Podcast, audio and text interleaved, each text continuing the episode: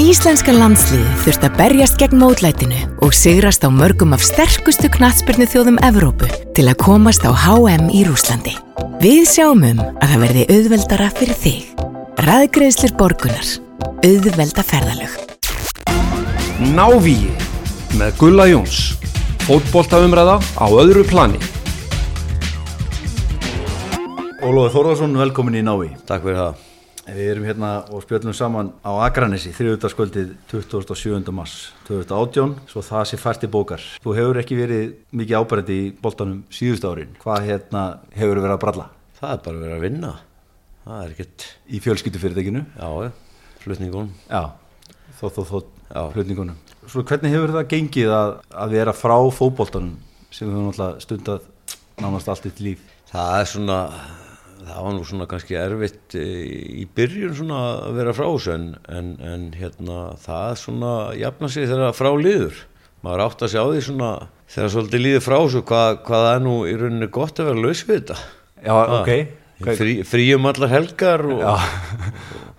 og svo les, svo les að það svona að þannilega jákvægt sko þó að maður sakni fótboltans það, það er ekki spurning Þú lendir í bílslýsið ekki 2014 e, í loka árs. Jú, november 2014 hefur hún ég var með Viking þegar bara rétt eftir að við löndum hann að Evropasæti í, í deildinni og hvað bara einhver tæplega tveim mánu eða um það byrjum tveim mánu og setna lendi í smá bílslýsi og hérna fekk svona vipplas og, og hérna skemmtist hálsliður og hérna fekk uh, hérna skal ég segja hérna brjósklós í, í neðsta hálsliðin og var bara alveg frá í, í já, frá vinnu í um það byrjum sex mánu þá og hann kom, kom ekki nála þjálfunni í rauninni í, í Viking Já. allan veturinn og var svona að byrja að koma inn í þetta hann um vorið bara þegar deildin er að byrja og misti mjög mikið úr þar sko virkilega, sem var mjög slæm og hafði náttúrulega áhrif á þig já, það náttúrulega nánast ennþá í dag bara?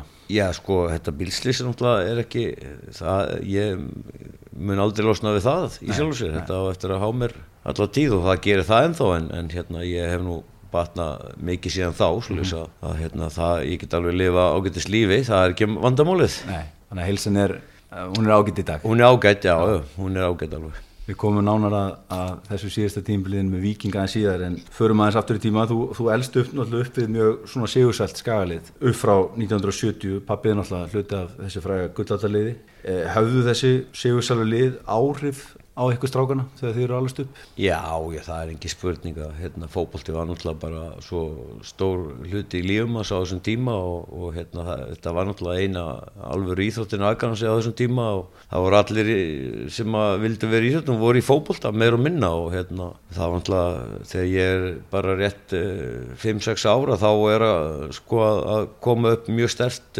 skalið sem að vinnur deild þarna deildina nokkur sinnum upp á 70 og pappiðinn og, og, og fleiri sem að teitu bróðir og það er náttúrulega maður leiti upp til þeirra og hérna svo var náttúrulega, maður heyrði náttúrulega sögurnar af gullaldaliðinu sem að var svona fyrsta alvöru liðið utan Reykjavíksæðisins á sínum tíma. Það er ekki spurning að það er náttúrulega hluti sem að maður svona horfið til. Sterkar fyrirmyndir. Já, já, mjög sterkar fyrirmyndi, það er ekki spurning Talaði pappið mikið um sí, sín ári í boltanum? Nei, hann talaði ekki mjög mikið um þau en, en eh, það er nú ekki svona fleiri svona aðri sem að töluðu um það í runni Mhm. um gullöldina sem kom hérna um 50 á skagan Hann var aðeins öðru leikmann en þú, ekki rétt? Jó, já, hann var alltaf öðru leikmaður heldur en ég hann var alltaf sendir bara held ég sem hefði henda rosalega vel í enska boltan Já, stór, sterkur gríðarlega fljótur og ofbóðslega kröftugur spilari eftir því sem maður heyrir náður að sjá hann? Nei, ég sá hann aldrei spila fótbolta. Ég fæðist náttúrulega ekki fyrir 65 og já, það var hann nættur þá var hann hættur. Og... og Teitur hefur kannski verið líkari honum Já, sem leikmaður já, ég hugsa það. Teitur var að verið líkar honum þó að Teitur hafi kannski ekki verið svona uh, fljótur og hlaupa eins og pappi. Sko, pappi var algjör eldingskilsmanni en, en hérna, Teitur var svona líkari honum, var sender líka og, en uh, það í sjálfsér var aldrei neitt sem ég horfði sérstaklega að endilega verða einhver sender. Það var bara að verða fótboltamaður og það hendaði mér bara vel að vera miðumæður og var svona eiginlega stæðstan hlutan á mínu ferli miðumæður. Þú elst upp eins og kannski mín kynslu líka upp við Merkutúnið sem var hérna í gamla bænum svo kallega niðurskaga og var svona kannski aðal fótboltatúnið á Akranissi Er þetta ekki samlum róli að þa þa þarna eiginlega myndaðist eins konar, einhvers konar akademi, það sem að eiginlega bestu strákar bæjarins hópuðust og vildu taka þátt í, í aðal boltanum?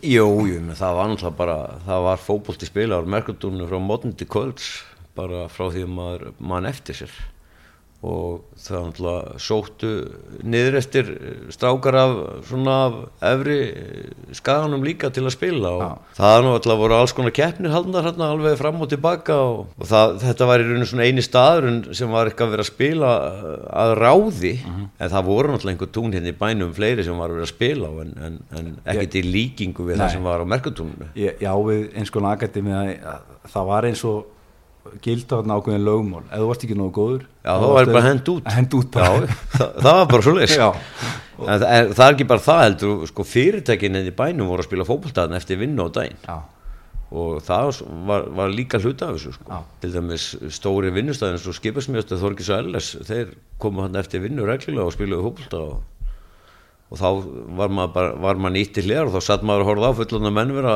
í átökum manna og þetta er náttúrulega bara sko, veist, svona gaman í svona smá svona innspýtingu og, og hérna því að þarna voru, var, varst einhvern veginn að spila með bæði mun eldri leikmönnum og, og yngri? Bæði blessa maður var að spila með sko þegar maður var 7-8 ára var maður að spila með 14-15 og uppi Já. 20 strákum fótboltaðna sem maður var bara þanniglega ágætt sko. Og nú ætla ekki að hljóma eins og gammalt maður en, þetta hefur doldið tapast. Þessi svona já blessa það er náttúrulega bara veist, það er ekki þetta líka saman í dag við hvernig þetta var á þessum tíma sko. Það er náttúrulega bara það var auga fyrir auga og tönn fyrir tönn á þessum tíma. Nú, nú má ekki neitt lengur sko. Þetta er alltaf alveg upp í bómull og er á brjósti til dvítus og ha, það er bara þannig en þú bjóst þarna bara hliðin á það Já, ég átti bara heima á Merkatún, það var bara 5 metrar út á Merkatún frá húsinu mínu og þarna eitti maður mestum tíma ungdómsins. Já. Svoleiðis að maður gæti ekki búið betur en það á þessum tíma allavega. það er góða ári yngjörflokkanum hjá þér hjá ykkur strákunum.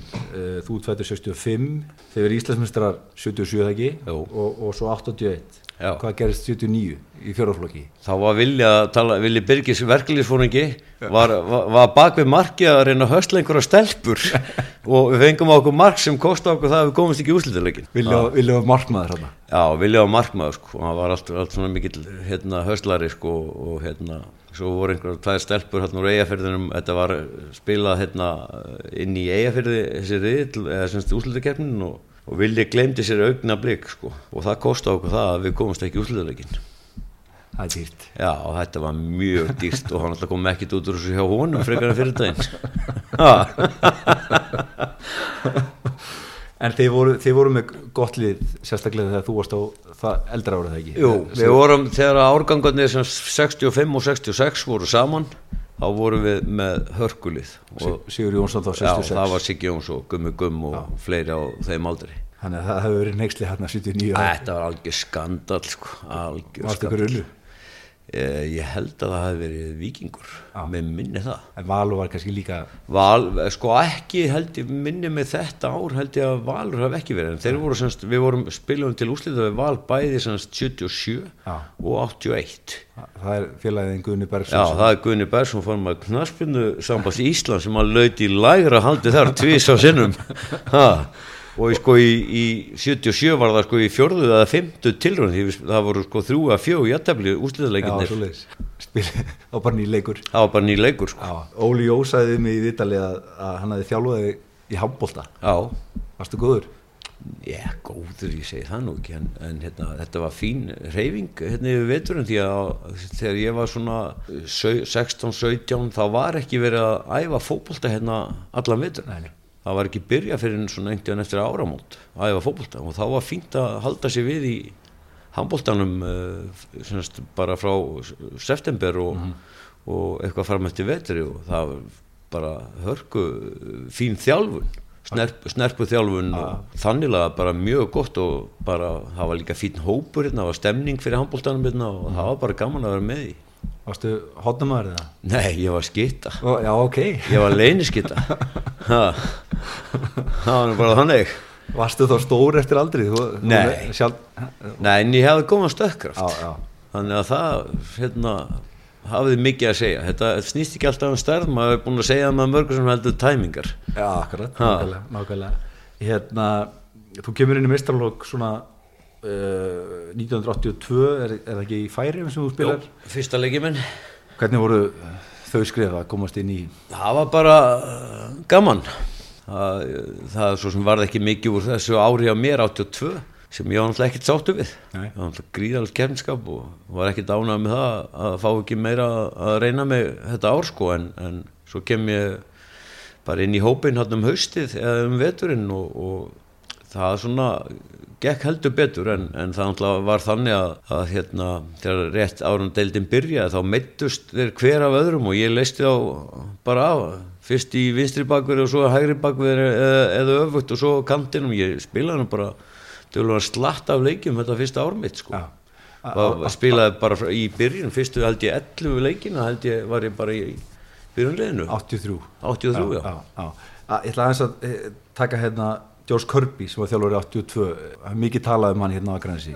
Hvernig, hvernig, hvernig þjálfur var það fyrir þig? Já, sko, ég veit ekki eiginlega, þetta voru svona fyrstu meistarflóðsræðinguna mínar undir hans stjórn, ekkert sem maður var svo mikið búin að heyrum uh, áður því að þeir voru náttúrulega með óttan, óttan í andlitinu meistarflóðsræðingunir alltaf þegar þetta nafn var nefnt sko því hann hafði náttúrulega verið svo grótarður þegar hann kom og gjör bilt í fókbóltanum svolítið hérna.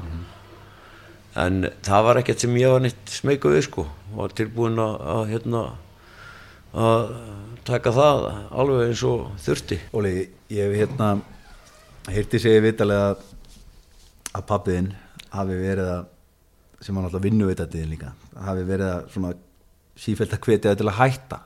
Var, var hann ekki hrifin af því að, að, að, að, að þú myndir feta sömu bröti eða?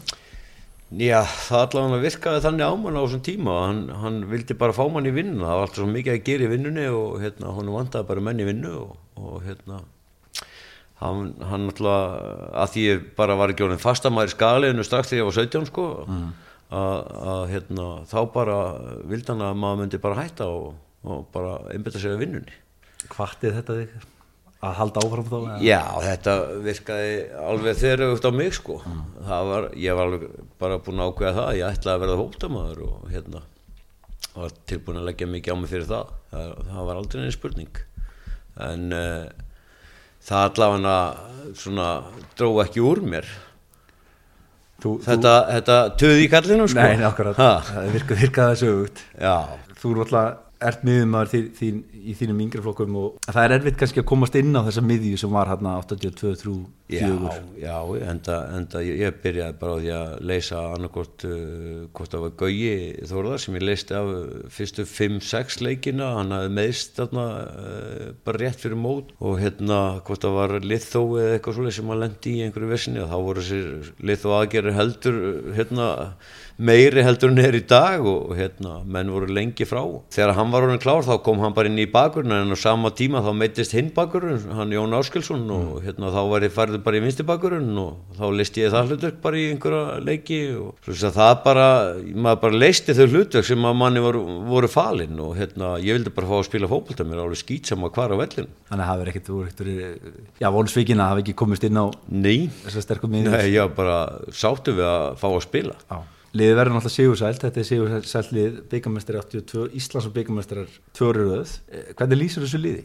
Þetta var bara hérna, saman sapn af leiðtóum. Það voru gríðarlega margir leiðtóar í, í þessum hópi og hérna, sko, það voru bara blóð og slagsmál á æfingum og menn reknir í sturtu alveg hægri vinstri tvist að þessari viku og það var bara, fannst mér fínt sko, því að ég þekkti þetta alveg bara heimanna frá mig sko, þetta var- þar var slegist í kaffetímónu sko, svo þess að mér fannst þetta bara gott. En miðað við kannski liðið sem að þú kemur inn í 93-45, hvernig var það ólíkt? Það var náttúrulega bara sko allt öðru vísi eh, lið sem að eh, er hérna upp úr 90. Ég held að liðið náttúrulega upp úr 90 sé bara besta lið sem hefur spilað í dildinni. Það var bara valinn maður í hverju rúmi fannst mér allavega. Kanski munurinn sá að að ég held að hafi bara verið meiri knastnilega geta í liðinu sem var upp úr 90. Þó að, að sko hitlið hafi frábært þá held ég að það hafi kannski fyrst og fremst verið samstæðan innan vallar sem gerði það frá, liðið frábært. Hvernig var það utanvallar? Var góð moral? Já, já, það var það nú en það voru nú svona átökunan hópsins það, það, það voru ekkert allir vinnir utan vallararna í þessu liði Það eru helgar en þjálfari þegar liðið vinnur tvennuna 83-4 hvernig, hvernig gekk honum að, að halda utan um þennan? hún gekk hann bara er nú bara, verður nú bara að segja eins og er því að þarna voru margir ólíkir sögðir í þessum hópi og mér hætti hann bara að leysa það bara nokkuð vel. Það er annað hægt að segja að landa tvöföldum eh, tvöföldu tvö ári röð. Eina liðið sem hefur gert það. Já, það er engi spurning að hérna, hann alltaf naut uh, góð stuðnings stjórnamanna félagsins við það, það alltaf bara þurfti til því að það voru nú svona stundum uh, átökan innan hópsins en, en það var bara leist farsalega úr því og með, með hag knæspunni að leðaljósi. og menn hefur náðu svona bakakotnarnir upp og, og sigla í sum átt Já, já, þó að menn hafi kannski ekkit verið endal einhverjir perluvinu utan vallar þá voru allir að vinna í sömu átt inn á vellinu. aðeins að fara í, í landsljóli þú, þú ert, ert farin að spila þar já, til dælu að snemma er ekki 85 sem þú spilar? 84, 84 kannski? 80 og hvort ég, hvort ég spila ég man ekki hvort ég spila fyrsta landslíkin 84, svona hálfgett bjeg landslið þá sko, en, en semst valinn í fyrsta alvöru hópin held ég 85 þið eru bara hálsbreytt þá að komast á HM 1990 já, og það var alltaf bara alveg sorglegt að hafa ekki náða að klára það sko. Æ, ég sé að sko Sovjetríkin vinna reyðilinn Östuríki fara á HM já, með nýju stig Tyrkland, Östurískland og, og svo Ísland með 6 stig Tyrkland og Östurískland með 7 stig. Greiðilega sterkur reyðil en, en það vantaði ekkert mikið upp á.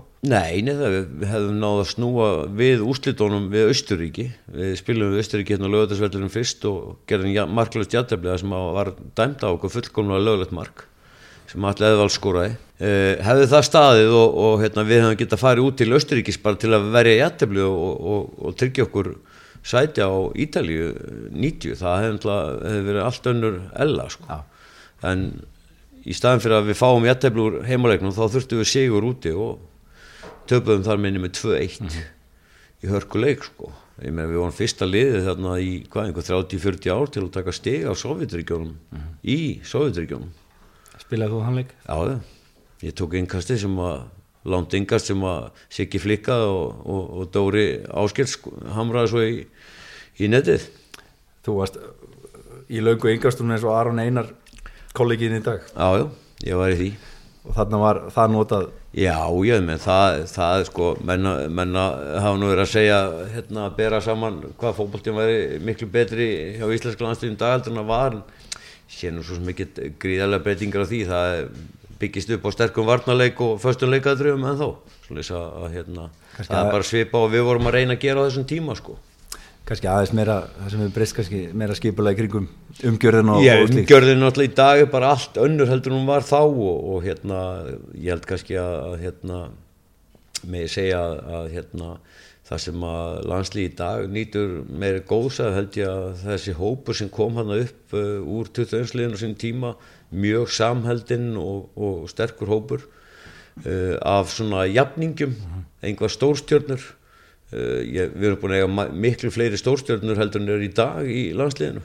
Og það, þeir voru nú nokkri þarna í þessu landsliði í, í kringum 1990 heldur betur, hver, hver, er svona eftirmjölasti samerinn í landsliðinu þarna á þessum tíma? Já, eftir mér að þetta er samin hann er kannski erfitt að byggja einhvern veginn út. Ég, svona heilt yfir bara flestir uh, svona kunni mjög vel við flesta þarna og ég veit ekki eiginlega hvort það sé nokkuð hægt að pikka neitt sérstaklega út úr því. Í, hérna þú spilar uh, er ekki alveg til 1996 spilaru, spilaru landsleiki? Þetta er, þetta er hérna Spilaði síðast á landsleikin 96 já.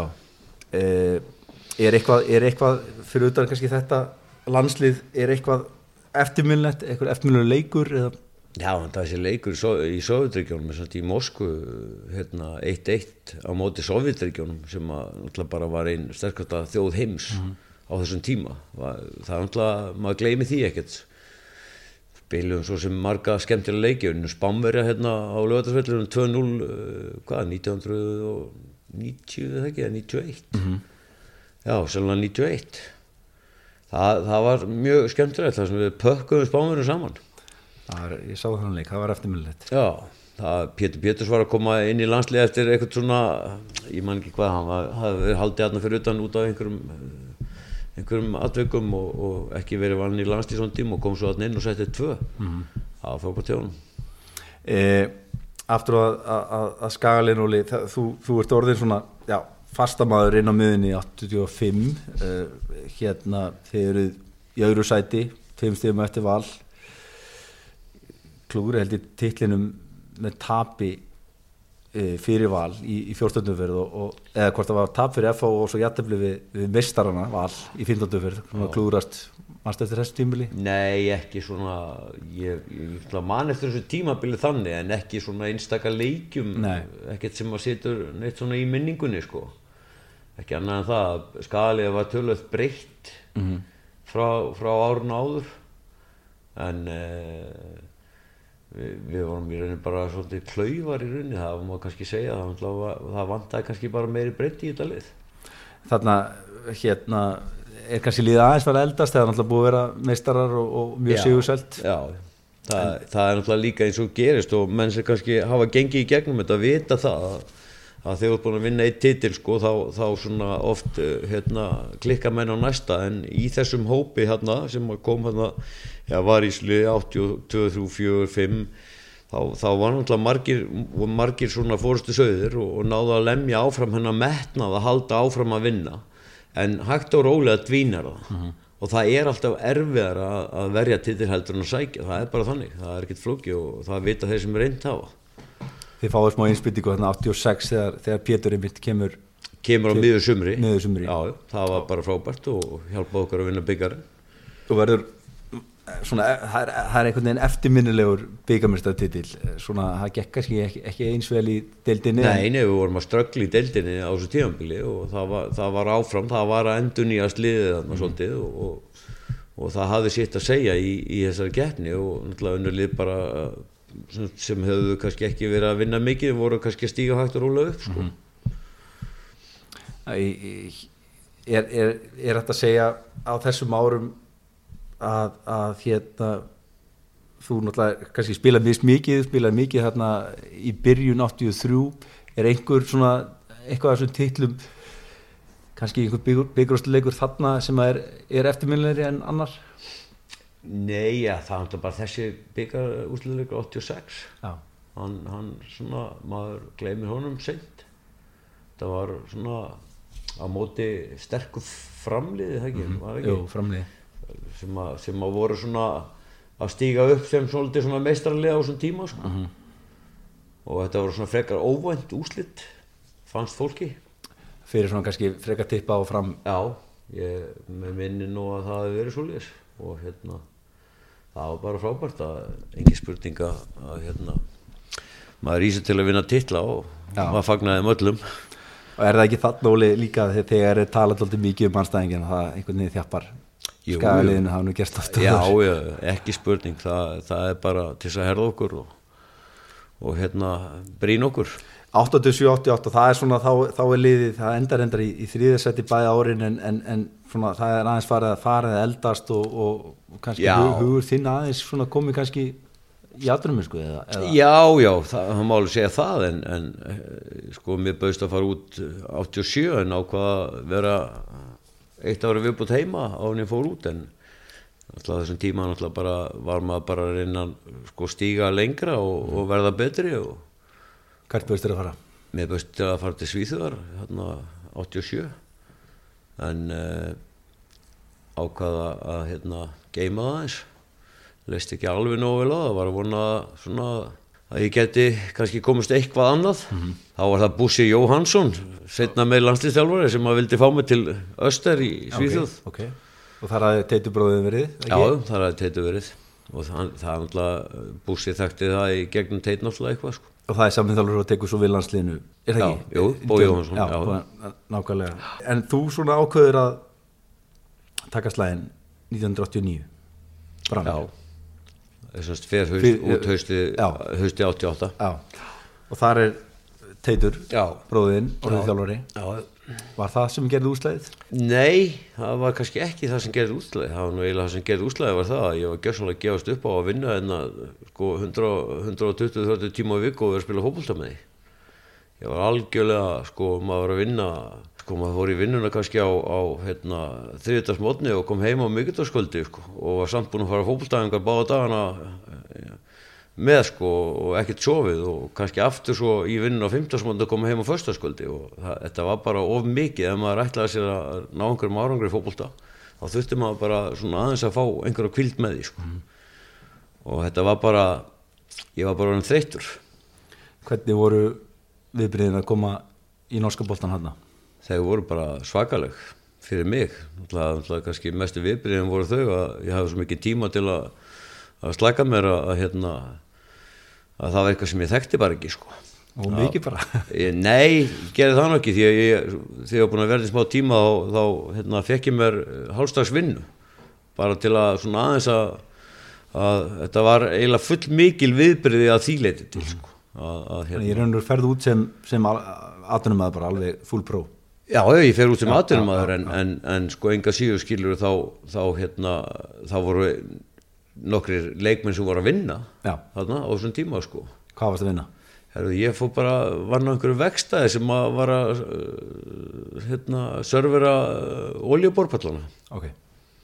Það var bara ágætt, var þar bara frá 8 til 12 og svona aðeins eitt í tímanum og, og hérna, svo fór maður fólkstæðingu hálf þrjú og Þannig að það hefur komið svona hálf aðtunum mennska upp á það að gera þeir æfðu fyrr og... Já, já, já, sko, þetta var náttúrulega bara sko margir aðtunum en Já. bara alveg skilur og það var ekki það, ég gæti alveg verið bara án þess að vinna, það var ekkit vandamál en, en hérna við hafum nú bara svona ágætt að hafa eitthvað fyrir stafni. Hvernig, hvernig var norski boltin hann? Hann var bara á ágættis plani, tölvöld þarra plani heldur en íslenski boltinn sko en, en en ég veit ekki hvað að segja, ég meina þetta var ekkert, þetta var ekkert eh, neitt gríðarlega stórt skref upp á þið en samt skref upp á þið. Ég las viðtalið hérna frá sömurinu 1989 þá segir að norski knarsmyndumenn þeir leika með allt öðru hugafær en leikmenn hérna heima Eh, það er meira spil Já. og leikmenn svona fara betur með knöttin en þeir eru fljótur að gefast upp Já, þegar móti blés það, það er bara þannig, það er ekkert það er bara nákvæmlega sama og er í dag það, það er erlend lið sækja íslenska leikmenn út af hugafærinu og það er bara það sem að hefur uh, háð normönum lengi en það sést það kannski árangri landslýsins hjá þeim að það vantar bara þetta hugafar svolítið að, að hérna, gefast ekki upp. Hver- eh, Hvernig gekk liðinu því enduðu sjöundarsæti af tóluliðum Já, fyrst, á fyrst árinu Á endur í fyrsta árinu, sjönda sæti, já. já, það, það gekk svona upp og niður. Það var svona smá, Teitur var að byggja hana nýtt lið og Mhm. búin að reysa svolítið mikið út og það er svo sem ekkert nýtt í, bergin að það er hver höndin upp á móti annari í, í brann og, og hefur alltaf verið. Það er alltaf einhver læti í þessum klúb og hérna, ég held að sé nú kannski eitt af því sem hefur, hefur háð hann hvað mest. Þetta er krefjandi umhverju, ég hef Já, aðra íslenska já. leikmenn tala um það Já, já, þetta er krefjandi umhverju það, sko, það var alltaf á bylunu 10-15.000 manns á vellinum mm. Margi fjölmjölar fylgjast með. Já, já, og allir að gaggrina og allir með réttu lausninnar og, og það er bara þannig lagað, stór klúppur en, en enga síður þá er held ég að það sé svona eitt af því sem að hefur háð þessum klúppi mest. Hvað, hvað, hvað eru margir sem hafa ofsalega sterkar skoðanir og því hvernig á að leysa hlutina? Er það líkt skagan kannski einhverju leiti? Já, að, að vissu leiti skilur en, en, en sko hérna er ekki sko allir þessi fjölmiðlar á Akranesi Nei. að leysa akkurat. Það er kannski fleira sérfræðingar út í bæ en, en hérna það er svo sem ekkert nýtt hér en það er alveg einst þannig í Bergen sko, þetta er bara svo miklu miklu starra Mhm. svæði. Ég rækka augun að þeir spiluðu í Európa-kjöfninni eh, haustið þetta 1989 gegn Sampdoria Já, og ég rækka augunni það að Gianluca Vialli og Roberto Mancini skoruðu bæði mörginni leiknum Já, er, er þetta minnistæðir leikir? Já, já, þeir voru það. Það var hérna, það munið engu í, í, í, í setni leiknum í, í, ver, í, í veitu, hérna, niður á Ítalíu að, að hérna, ég átti svaka rönnar maður mun yngu í slipp einni gegn maður og hefði verið, verið skemmtlegt að ná að setja eitt markverðar á það sko en, en hérna það gekk nú ekki upp en þetta voru hörkuleikir Já. virkilega sko. Og svo gerði ég náttúrulega ítalarna alla brjála í stúkunni og send, sendaði einn puttan sko og var með á pípand á mér í 80 mínútur eftir það. Ég, ég, hérna, ég sá að, að þú fóst á reynslu til Crystal Palace. Já, eh, það er mæntilega byrjun ás 1990 og varst alveg og tíma. Já, já. Sakat blöðanum allavega. Já, já, Steve Koppel ætlaði að kaupa mig og, og hérna, svo bara þegar átt að fara að fara að ganga frá þessu þá, þá hérna, fóbrotnaði Ian Wright já, já, já. Sender og, Já, og hérna þér aðra stöðu þá. Krista Pallas var búið að tryggja sig í byggarúslitin FA á Englandi þegar þetta gerðist og það var bara mikið í húfi fyrir þá Mhm. og þeir höfðu bara ekki peninga til að kaupa sender og kaupa mig ok svo lýsa að hérna þannig að meðsli Ian Wright komið að fyrir Já. að þú fórst til Englands þetta var semst langt komið Já, já, þetta var bara tölvöld langt komið. Svekkjandi Já, ég, svona er bara. Já, já. Það er bara þannig. Það er ekkert sem að maður breytir. Það er svona... að þú náður hann einhverjum tveim leikjum og fórt með þeim til Já, já, Spánar og já, já, ég, ég spilaði með hérna, varaliðinu einhverja tvo eða þrjáleiki og fóð með mér aðingarferð til Kanari í viku og, og þetta var bara allt á réttir leið svo bara fóbrotnaði rætt og þá var bara daginn búið. Já. er, er hérna uh, hvernig var að koma frá Nóri til að nýbúin, ný, nýkomið þangað og, og fara svo í ennska boltan þarna 1990 Það var bara, mér leist bara vel á það sko. Uh, Krista Barnes var í fyrstu deildinni sko, þeir voru ekki í úrvarsdeildinni ok, og það var hérna, þetta var bara hörku tempo bolti og hérna, hefði hentaði vel já, ég hendaði mér fínt sko, það var í dundur formi og hérna gætt hlaupið í 90 myndur alveg sko á hans að blása nös að, hérna, það var bara bara hefði verið flott en, en var þetta það langt komið að þú varst svona, þetta hafði ekki sett áhrif á því þegar norska dildi byrjaði Nei, nei, nei, alls ekki. Ég var ekkert að láta það að trubla mig, sko. Nei. Það þýðir ekkert að vera að horfa aftur á baki því, sko. Maður bara halda áfram og horfa fram á veginn og það hef ég alltaf gert sem fótboltamaður. engin eftir sjá Nei, ekki þannig, skilur. Það er engin eftirsjá. Auðvitað hefði maður geta gert ímyndilegt einhvern veginn öðruvísi en, en það þýðir ekkert að vera að síta það. Nei. Maður breytir því ekki. áhugavert en að, að ég sá að, að Teitur er í viðtölum við norska fjölmjöla hérna 1990 og það eru fimm útlendingar sem þótti stórmál hvað verður margir? Það þykir nú ekki mikið í dag sko. En, en, en, en þú varst einn af þeim eh, hérna fi- fimm og, og þeir sög, hann segir í viðtölum að, að norski leikmenn nenni ekki að æfa. Þeir hugsa bara mestu peningana. Já, já. Ég með það er bara eins og ég sagði á hann, það normannum hefur, hefur vantað þetta hugafar. En, en uh, enga síður þá, þá hérna, er margt til því sem hann segir með þetta, það, þetta er svona, ég held að, ég held, ég held að sko, segi kannski ekki að þeir nenni ekki að æfa en það er allt og margir sem að eru latir við að æfa. Einn af þessum útlendingum er, er, er þarna var sænskur unguleikmaður að stíga sín fyrsta skref Jóakim Björklund Já. sem átti svo fassaland fyrir hann hefur vantilega verið bara kjúklingur hann að 19 ára eitthvað svo leiðis Já, hann náði því ekki eins og hvort hann var ekki bara 17 ára Já, ok. 17, 18 Já, ég meina að sko Teitur og, og pappans Júka, eins og hann kallaður voru perlu vinnir frá því þeir spiluðu saman í Svíþú Mhm. Karl Björklund og hérna hann var semast uh, fluttið til Bergen og var að, semast pappans uh, var semast unglingalist þjálfari hjá Brann já, já, já. og Júki náttúrulega bara steig sér fyrstu skref í, í, í hérna mestrarfókbaltanum hérna og stóð sér bara vel mm -hmm. gríðarlega fljótur og svona rá típa. Átti flottan fyrir spilaði með Reynsess og Valencia Já, já. 79 landsleiki. Sástu þarna já var það sá strax að hérna, þetta var stáku sem átti eftir að spjara sig sko. Það er ekki spurning. En þið, þið eigin fín tímabili endið í fjórðasæti já. uh, þremstíðum frá, frá öðru sætinu hann var náttúrulega Róseborg já, við vorum bara sko hérna hásbreytt þá því að reynilega bara vinna þessa deild Já, ok. þetta ár því að bara hvort það var tveir eða þrý leikir eftir í deildinu þegar við spilum við Rosenborg upp í, í þrámteimi og, og ég það ég átti stangaskot í stöðunni 0-0 eh, bara þegar var tölvöld lið á leikin og, og það bara sko fólki í stúkunum tók andgöf sko Já. En svo eh, semst, náum við ekki að klára leikin og töfum honum og, og það var eiginlega kannski það. Ef við unnið leik þá við kannski klárað deildina en, en við töfum honum og, og mistum að þessum möguleika. Og þannig er Róseborg að koma upp, að þeir eru að stíga þarna upp sem svona alvöru meistarlega á þessum tíma.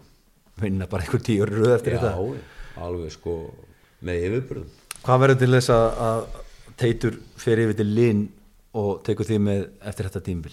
Já, það var sko, ég veit ekki eiginlega hvað, hvað það var. Það var kannski, held ég að við heitla hann á þessum tíma var það að, að Linn var í stór huga framkvæmdum að reyna að byggja upp klubbinn og Teitur hafði verið eitthvað ósáttur hérna í brann við stjórnum með félagsins. Það er bara eins og gengur að gerist og, og það hefði verið einhver svona, ég veit ekki, ósætti eða, eða einhver leiðindi í gangi bara eh, almennt eins og ég bara meira minna eh, í, í brann, það er, það er alltaf einhver læti þar Já.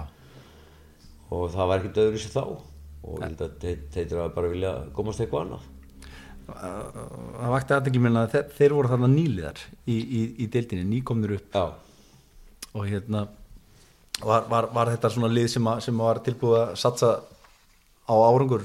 Já þeir, þeir voru það allan á þessum tíma, þeir vildu, vildu byggja upp lið og, og hérna til að ná árangri og alveg segja að við gerðum það svo sem á þessum tíma. Við, ég var hann í tvö ár og hérna við vorum í fjórðarsæti held í bæði árum Já, fjóraðsæti, fintarsæti reyndar 92 Já, fjóraðsæti eh, hérna fyrir árið. Þú spilar átjónleiki Já. en lendir svo í mjög slæmi meðslum já, mjög nýbúin að vinna spánverja hérna, heima 2-0 og, og hérna þreymdugum setna þá fóbrutnaði rosalega Er það leiki í, í Nóriði þá? eða? Já, bara í deildinni Hvað hérna, þetta var svakalega dæmið ekki?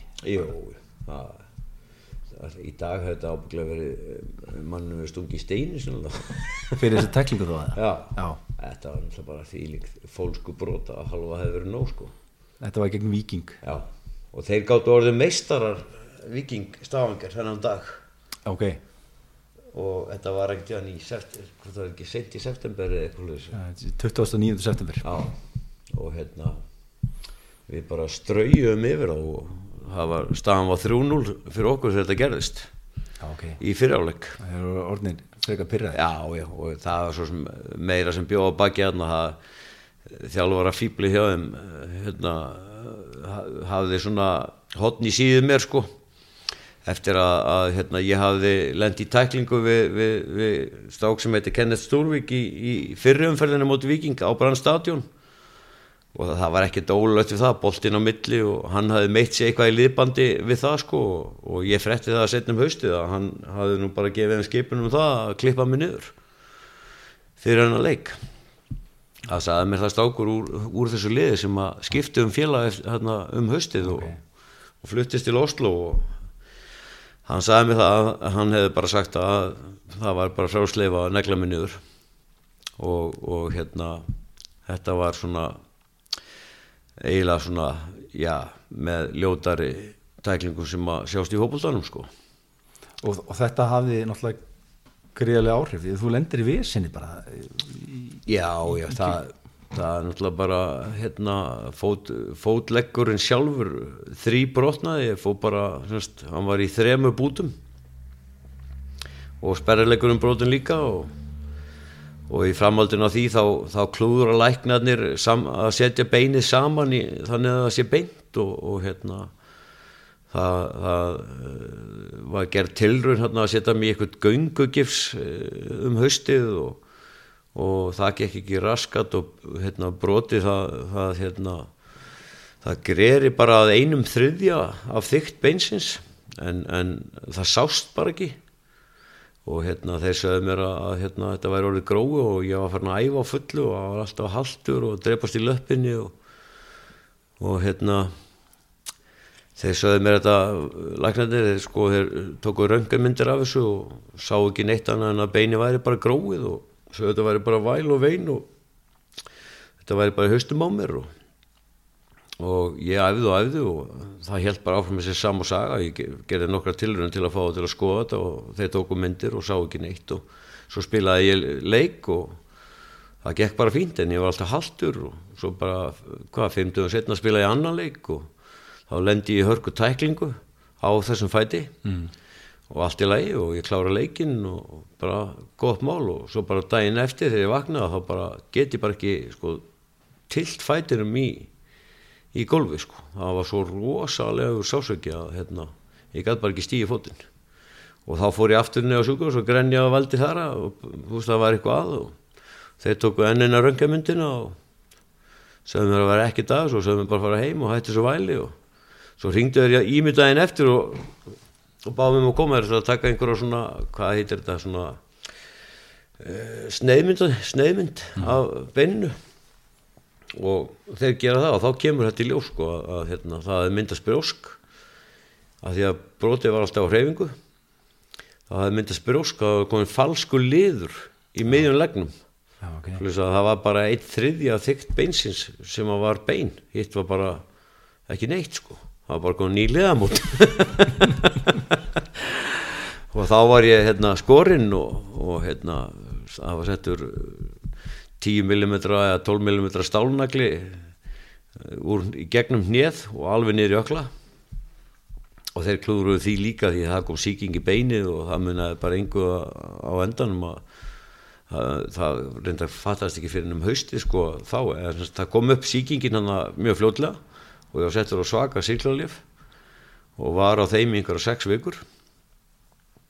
Og þá heldur þetta að væri búið og ég fór bara að æfa og, og hérna, kom mér í form aftur og spilaði svo uh, bara held ég alla leikina alveg fram, fram á því að, að hérna, ég sá það að það var eitthvað aðalna og það var komin svo stór kúla á leggin neðarlega og, og hérna var nú svona að reyna að humma þetta fram á mér, ég held þetta væri ekki neitt neitt og var alltaf að draga að skoða þetta og svo loksins dröllaði sér nú niður á sjúkrós og let kíkja á þetta og þá, þá hérna kom læknirinn með sprautu og staðdeði mig hérna og þetta var svona rétt fyrir ofan ökla kúluna og, og það bara vald gröfturinn út úr þessum maður og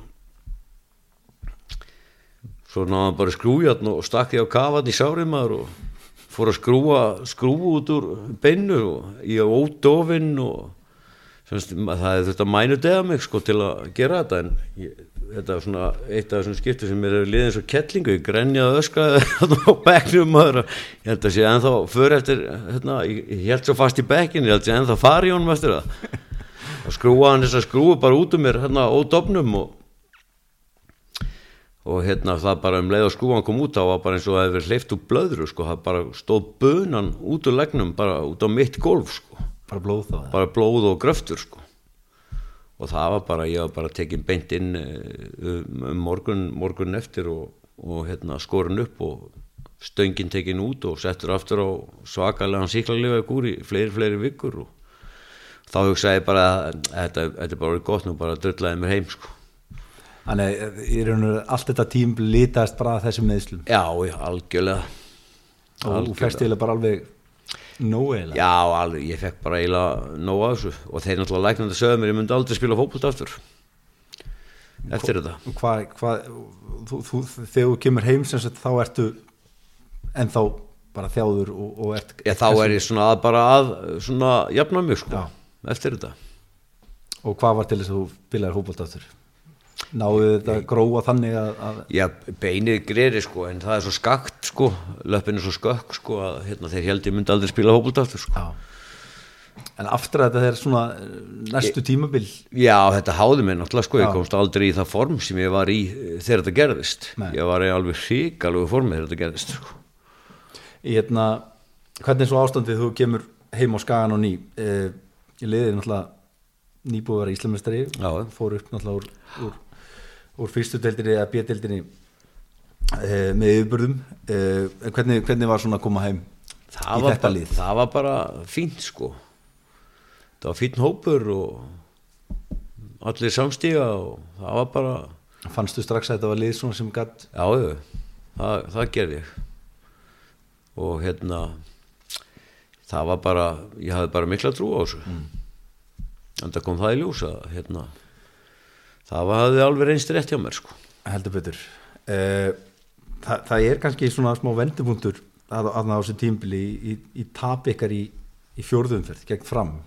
Fram að því hafðu verið að spila svona eins konar 3-5-2 kerfi Já. sem þið breyttuð í, í eftir þennan leik í 4-4-2 og það einhvern veginn myndast einhver holning sem að voru allar meðisli það fór lítið um meðsli þetta tímabill ég tók eftir Óli að, að það voru eiginlega bara 14 leikmenn sem spiluð þessa leiki. Já, það, það er eiginlega alveg með ólíkitum já, það má segja það, það en þetta var bara greiðara samhældin hópur og, og virkilega það var bara svo mikil keppninsandi í þessum hópu og allir tilbúin að gefa allt sem er áttu og leit, það var yngar stórstjörnur. Aðeins, er það ekki? nei, ekkert þannig skilu við um með Siggi hmm. en enga stórstjórnur svona einhverja prímadónur sem, að- sem að ég er að meina það, skilur. Já, já, já, það var enga prímadonnur nei, sko. það var bara allir tilbúin að vinna því markmið að, að hérna, vinna deildina og, og byggarinn og ég meina við, þú veist, þegar við komum út úr klefanum eftir að vinni byggarinn 92 þá voru allir sköllóttir. Það er svona smá lýsandi dæmi um samstöðuna í hópnum. Já. Hérna, það var einhver sem kvíslaði að mér að, að þegar Guðjón breytir í þetta kerfi 442 að þá fórstu á hæri kantinn. Já, það var ekkert allt og sáttur við það? Nei en samt eh, allt í lagi sko. Já, mér varst fínt að spila það sko. Með mjög defensívan bakverð fyrir aftan mig.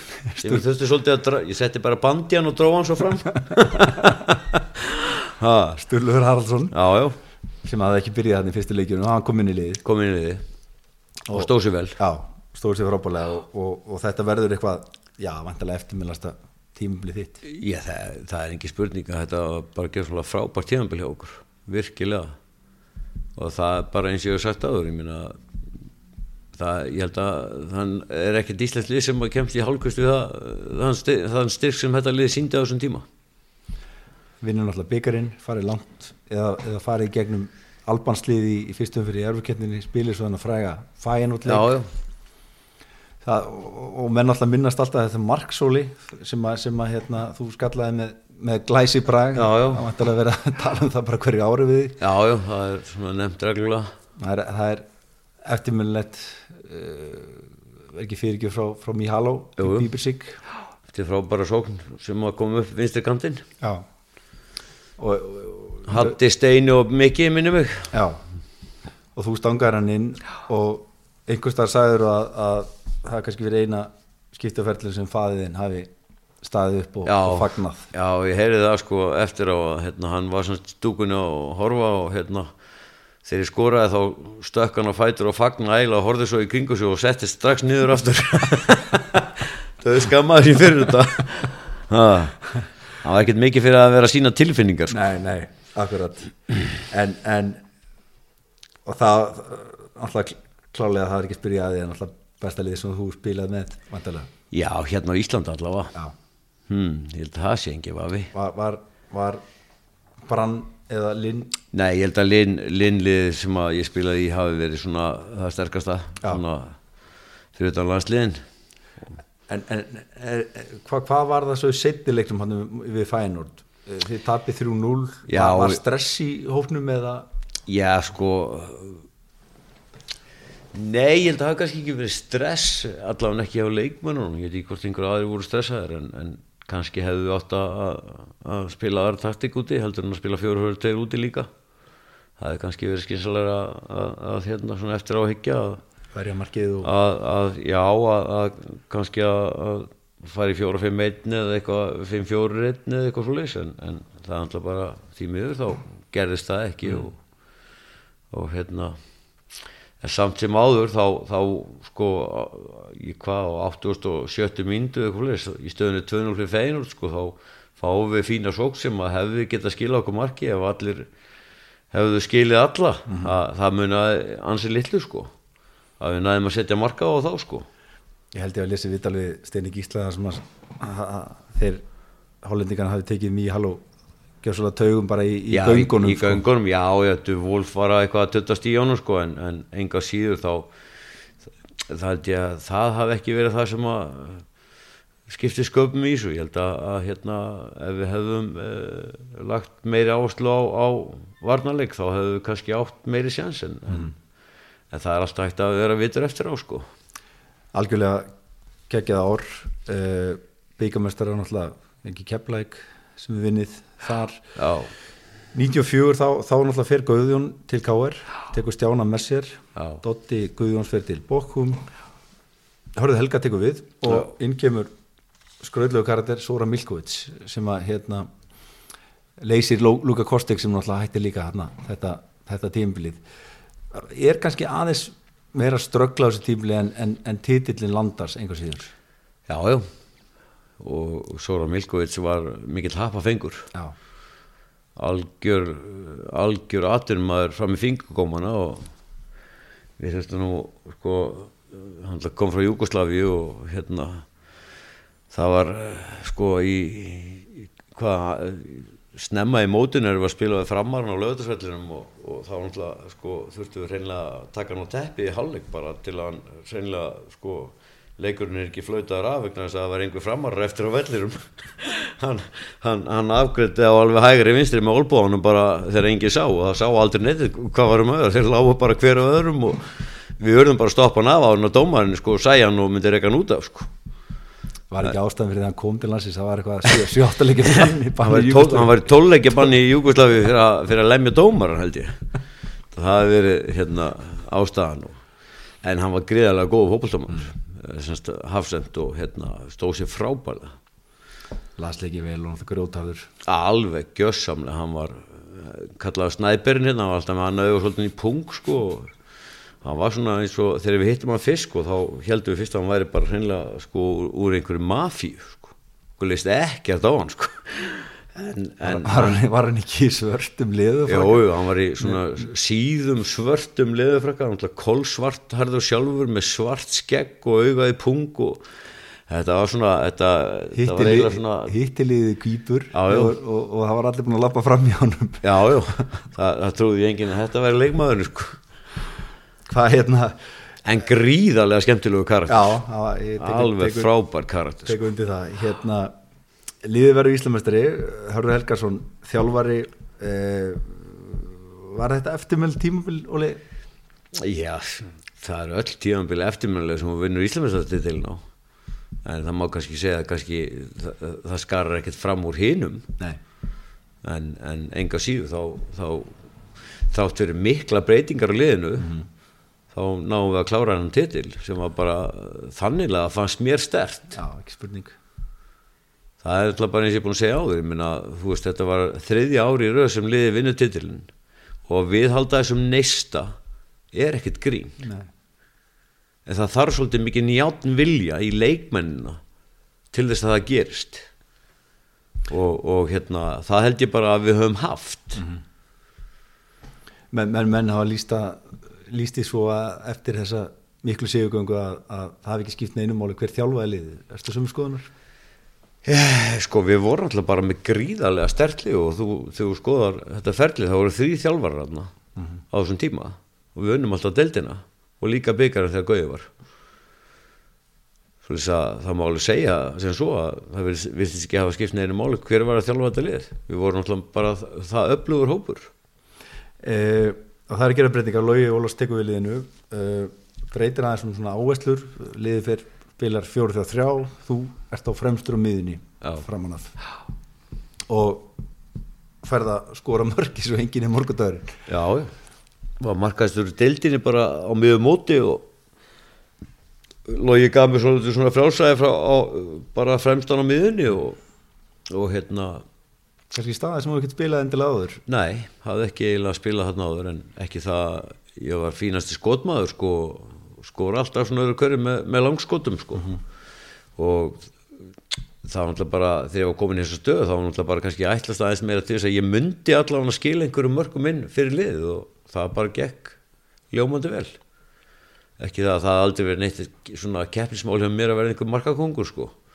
Ég var í þessu til að vinna deildina og byggarinn og mér var skýt saman um það hver var markakongur svo hérna þetta verður alltaf held þessi 49 stig. Já, já, við varum búin að vinna deildina það er þárum fyrir að fjórum fyrir að voru eftir og, 16 sigurleikir, þessi 50 mörg skoruð. Já, og hann komum alltaf týpurann til leiks eh, í miðumóti já, þeir komað inn eftir þegar 11 fyrir voru búnar. Ég vil taka það fram að við vorum komin með 33 stig þegar að þeir komu inn í liðið. Það var fór að hallunda fæti þegar það má segja það að það við hallam þetta fæti. En, en þeir náttúrulega þetta var fínt fyrir þá, þeir voru búin að ströggla eitthvað ellendis og þetta var uh, svona tekið fyrir og rætt hvort það ætti að vera að taka á inni ekki og það var hvað að gera þá til að hjálpa þeim. Já. til að koma sér að framfæra aftur og það var bara besta mál. Skorur náttúrulega þessi 15 mörg og fjarkið þrjú. Já, já. Eh, það eru doldið vombrið að það ekki? Eh, detta út í sextalega úrslutum í byggar eh, Európa-kjarnin mótið skorskulegir eða þróers Já, það var náttúrulega sko auðvitað svekkjandi að detta út í 16. úrslutum en, en það hjálpa okkur samt svolítið við það að við heldum bara betri fókus á dildin í staðinn og slátur um henni og kannski þessi reið þróestleikir sko að, að við náttúrulega bara áttum að gera betur hérna í heimaleiknum mm.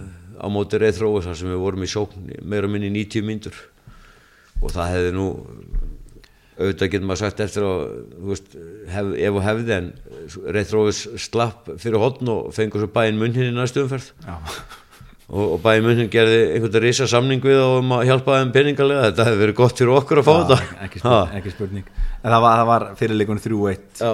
úti og, og svo var liðið komið 1-0 heima og, og það vantaði þetta eina markið. Og, og liðið óðufærum já, já, en, en, en sammálum við það, kannski vombrið að, að, að fara ekki lengra með þennan Já. rosalega sterka hóp. Já, já, mjög svekkjandi sko.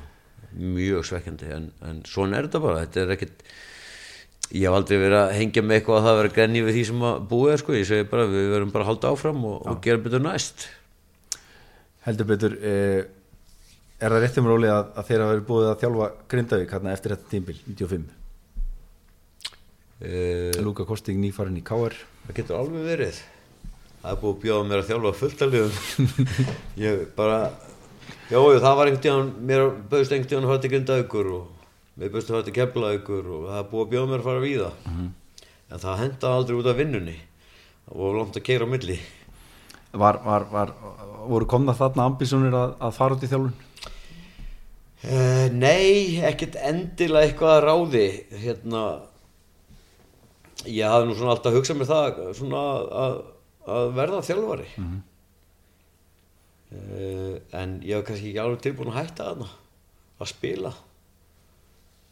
En, en ég fannst ég nú svona verða að spila eins lengi og gatt sem ég gerði í rauninni.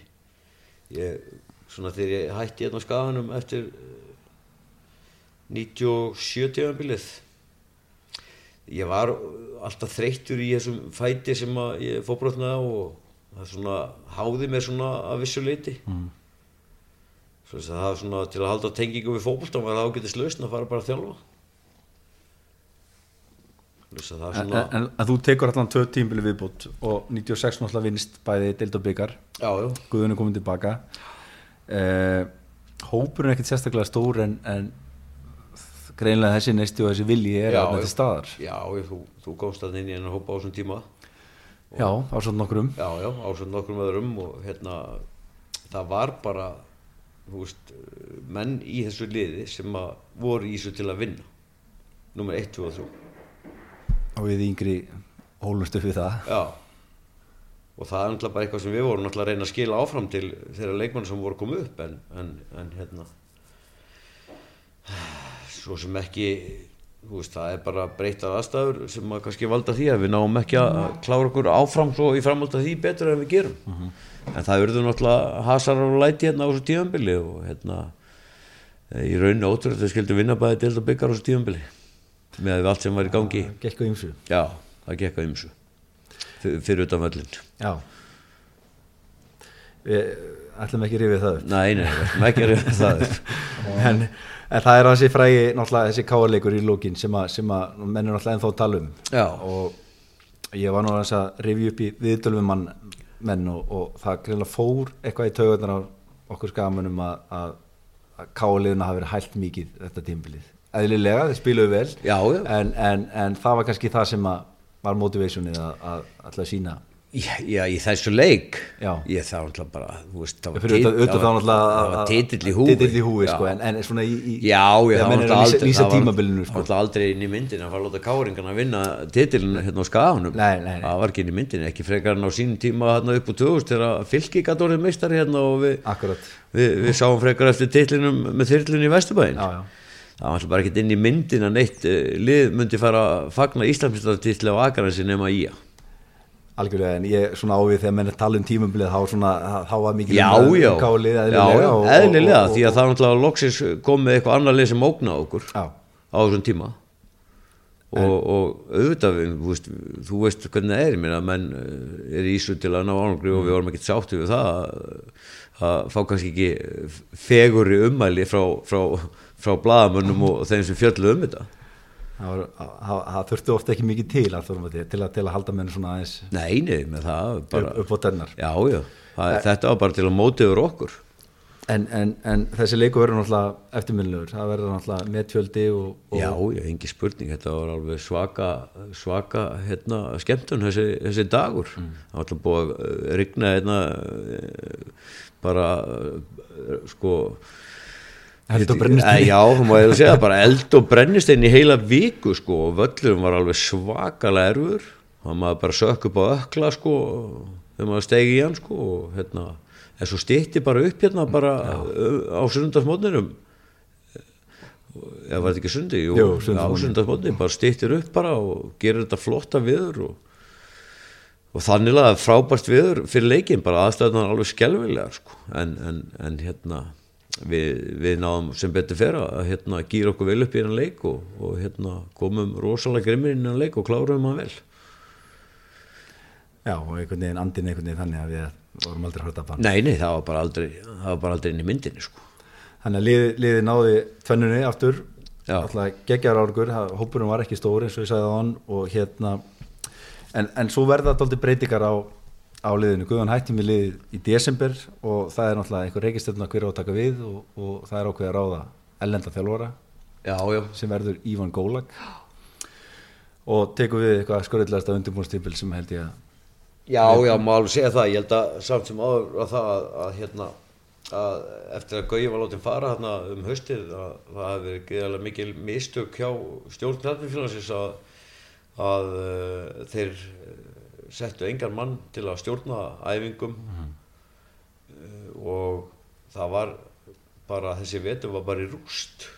Gólag kemur í februar og það eru Já, hann, hann, kom, hann kom bara í februar sko að skoða. Ok, það kom einhver svíi minni mig sko á undan. Í, í, í, í hérna Dani- við, Dani. ja, Dani, já, Dani sem kom inn í viðræði við það og, og Gólag sko, hann fór ekkert að þjálfa okkur fyrir í rauninni einhvern veginn í mars eða eitthvað. ok og, og það var bara uh, hvort það var seint í mars. Og svo bara fljótlega fyrir við bara í einhverja tveggja eða þryggja vikna ferð til Júkoslavíu sem var bara sko skrautleg sko. Og einhvern veginn svona fokkaðist þetta allt upp sko. Hann, ég held að hann hafi ekki gessið neina grein fyrir uh, hérna íslenskum fótbolta á þessum tíma. Ekki neina. Það er einmitt skröðlegt þegar maður skoða svo mótið, hann er látið fara eftir 11 leiki og það eru 6 sigrar eitt jættibli og eitt fjögutöp og liðið er í þrýða seti samt. Það er, það er ekki nema það er ekki nema þremur stigum frá topp setinu hann er að, hópurinn var klálega þetta staðar. Já, já, það, það var ekki vandamáli en þetta var svona, ég held að uh, einhvern veginn uh, bara hafi ekki haft uh, þá skynsemi til að bera að, að stjórna þessu Held að í, í, það var náttúrulega þegar við vorum út í Júkoslavi hérna um voru þá þá hérna uh, voru skoðaðir fullt af leikmönnum Jú- Júkum og, og hann var með hugmyndur um hvernig hann vildi spila 3-5-2 sko. Og það voru teknir leikmenn í samræmi við það. Uh, Svíber og Hafsend og einhver Sender og, og hérna svo þegar móti fyrir gangirna heima og, og okkur gengur ekki neitt að þá fyrir hann að rótera leikjarinn og allt í hennu sátu við upp með einhverja tvo-þrjá leikmenn sem bara pössu ekki inn í liðið eitt var komið til var, já, já, og hvort þeir hafa ekki enda tveir, tveir miskustið þar Já. og, og Settirinn, ég voru bara hálfpartin sendislausir, ég held að þessi risti kann Já, að ekki, ekki, sko. ekki, ekki verið náðu góður. hann var sko, þegar hann var keiftur þá átti þetta að vera 26 marka maður og, og, og hérna 24 ára gammal og, og svo þegar nær dró móti og hann svona fór styrst í hann komið þá, þá fækka alltaf mörkunum sem hann hafði skórað og aldurinn hækka. Og þegar hann kom þá var hann 33 ára og hafði bara skórað einhver 5-6 mörg það var algjörð grín. Ha, Já, það var alveg ótrúlegt. hálf sorglegt að, rifja þetta upp. En Lógi tekur við og, og náttúrulega fara að byrja undirbúinustýpil hérna miður, miður já. að æfum vel og, og hérna komist í fínt form og, það vinnast þarna, fjóri leikir röð og liðið bara í séns. Að- En glutræði kannski móti val held ég að það verið. Þegar, þegar hérna var með ykkur þrjú eða fjögur stig á okkur sko og, og, og það var svona tapast. já, já Þannig að það er svona, svona Lógi er náttúrulega komið léttleikaðn inn í hópin toppmaður, algjör, Já, hress og fítn og, og, svona kom okkur svolítið í gýrin á því og hérna að hérna ég held að svo sem að sko þó, það, það hef ekki verið endur verið breytingi hvað það æfðum ekki, við vorum í ágæti standi. Það var ekki vandamál, það vantaði svolítið svona bara upp á einhvern léttleika, kallin var búin að vera með þetta svona í einhverjum hrærigraut að reyna að finna einhverja lausnir og fann ekki neitt og svo kemur logi inn og svona Kemur ykkur fest- festu, já, já, já, kemur með svona smá festu. Logi er náttúrulega búin að vera með okkur áður og vissi hvað hann vildi gera og, og fór svona svolítið í það sama fara aftur og Mhm. það fór svona ganga betur það, þú, þú endar sem held ég bara besti leikmaður dildarinn að mati morgunplassins þú og Hlínur Stefansson, háaldraðir Já. en, en þeir eru ekki bóðin áframfaldið til samningur Já. með skagan Já, já. og ég hjó eftir einhvers staðar að, að þú hefur ekkert alltaf sáttur við það Nein, ég var bara mjög ósáttur búin að vera fyrirlið þessar liðs í mörg ár og einn af burðar ásum þessar liðs og svo bara allt í nefnir ekki bóðin samningur veistu hver ástæð var? Nei, bara aldrei fengið að vita það. Það, þú voru eiginlega að spyrja stjórnarmennina sem, að, sem að voru í stjórnina á þessum tíma um það. Hvað, hérna, hvað var það í stöðunóli? Þú orðaði við nokkur lið Já, sem já. þjálfari. Já, já, stjórnuna, skallagrim og fylki já, sem að hérna, þú ákveður svo að taka. Taka við. Já, mér leist bara vel á árbæðin og, og hérna líst reyndar enn. En, en hérna ég hafði svona alveg fylgst með fylgir aðeins og Alli Víglús, svona Já. minn, einn af mínu bestu vinum hafði farið hangað og, og hérna e, haft svona einhver einhver hérna spila með þeim og haft ykkur afskipti Já, ég fylgdi svona aðeins með þeim gegnum það líka og Já. hafði svona smá tengingu gegnum alla og hérna leist vel á árbæðin þannig að þetta var svona, svona lítið hverfi, þannig skilur ekki lítið hverfi en, en svona hverfi sem var svolítið svona sér á báti svona út úr, mikið samstæðan á þessu svæði og Svona bæjabrægur já, svona, svona kannski líkari okkur. Já. svolítið svona meir út af fyrir sig og, og hérna tók við þeim í fyrstu deildinu og ákvaða að það væri fínt að fara bara í fyrstu deildinu og byrja ef maður ætlaði að vera þjálfari að, að þjálfa þar og, og þá kemur það bara í ljós hvort maður hefði einhverja burði til að þjálfa eða ekki og ég svo sem bara var mjög sáttu með það. Við hérna, voru nálátt í að fara upp á deildinu á fyrsta árunu en ég sagði það nú þá að, að sem betur fyrir fórum við ekki upp því að ég vissi það að við vorum enga veginn tilbúinir til að fara upp eftir það tíðanbill Þú ert greinlega að, að svona þú ert, ég held ég að ég séð einhvers þar það hafi verið, nálega 30 leikmenn sem komið í sögu þannig og verið svona verið að, að, að skoða og ég var að hvað svona var- finna hvað, hvað hérna uh, hendaði. Já. en það er náttúrulega kannski líka svolítið að á þessu Reykjavík og svo á þessum tíma allavega það voru menn hlaupandi myndli liða hægri vinstri alltaf að leita að einhverju betra sko og held náttúrulega margir sem fóru frá, frá Hrökklust frá úrstældafélagunum og fóru í þessu fyrstölda klubba á Reykjavík og og hérna fylki var vinsall áfangustæður hjá mörgum. Það var svo sem má segja, það var svona það var skrautleg eh, skrautlegt ár sérstaklega fyrsta árið. Maður kynntist mörgum mörgum karakterum sem að sem að, sem að koma með hann spánst fyrir sjónu þegar maður var búin að vera sjálfur sko á þessu toppleveli í fókbúltanum og það var svona alls konar fýrar sem maður mætti á æfingar. Var, var, mikil viðbrið, þetta er náttúrulega lið sem var dálítið jójó, bara búin að vera í nokkuð mörg ár. Var viðbrið að koma frá náttúrulega liði sem að verið meistari mörg mörg ári röð og, og koma í, í árbæinn? Já, já, það voru viðbrið, það er ekki spurning. Að náttúrulega maður náttúrulega búin að vera í svona klubbi eins og skaganum semast, alla sína tíð nema þessi ár sem að maður var úti að spila og svo veist, í landsliðinu og svona og náttúrulega bara hafði ákveðna svona festu í kringum hlutina sem að var ekki til staðar í árbænum þegar ég tók við. En uh, mér gekk svo sem ágætlega að koma þeirri festu á, það tók smá stund en, en það tókst. Þú, þú, þarna ertu spilandi.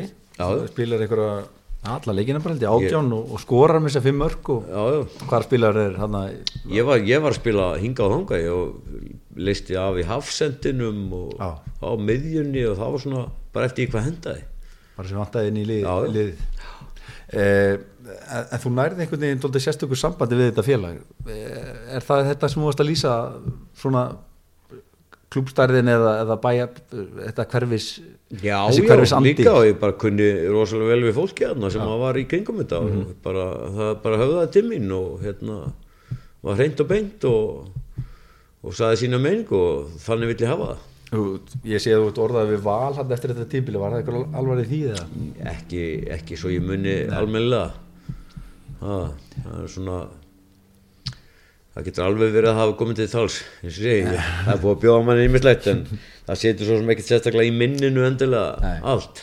En, en seinna árið seinna árið þitt hjá, hjá fylki gengur rosa vel. Það eru bara gríðalegri yfirbörðir brillerum í, í deildinni og, og hérna, jöfnum stigamötti í deildinni og, og hérna fórum upp bara uh, já, ég, ég vil meina það og ég sagði það á þessum tíma að við varum konum með eitt af, af svona þrejum fjóru sterkustu liðum á landinu á þessum tíma í fyrstöldri í fyrstu, nei, nei sko, Nei, sérst, þegar þið voru já, í fyrstu þegar við deildinni? vorum í já, já, þá voru, ég taldi okkur við fjallum út úr bygg, í byggarnum í 16 lega úslitum mútið Káar á, á Káarvellinu 4-3 sem Káar var þá eitt af sterkustu ljónum sterkasta Já, voru sterkasta lið.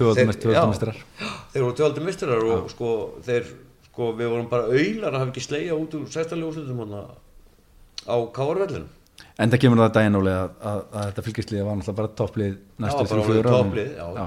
það var algjörlega þannig að það það kannski það voru kannski erfið ákvörðum bara þegar skæin leita til þinn í, í lók tímbilsins Já, já, það var erfið ákvörun að því að mér leiði rosa vel í árbænum og hérna var náttúrulega bara með hugan þar en svo ringjaði þeir hérna skagamenn og, og hérna vilja fá mig til að taka við liðinu hérna bara. Það var tvei leikir eftir, það var, var, var eitt leikur eitt og, og byggjurústleikur já, og ég láta loga að fara já, og, láta og, lofa að fara og, og vantar eitthvað fest blóð í Já, já, og ég var nú eiginlega ekki á því að gera þetta fyrst.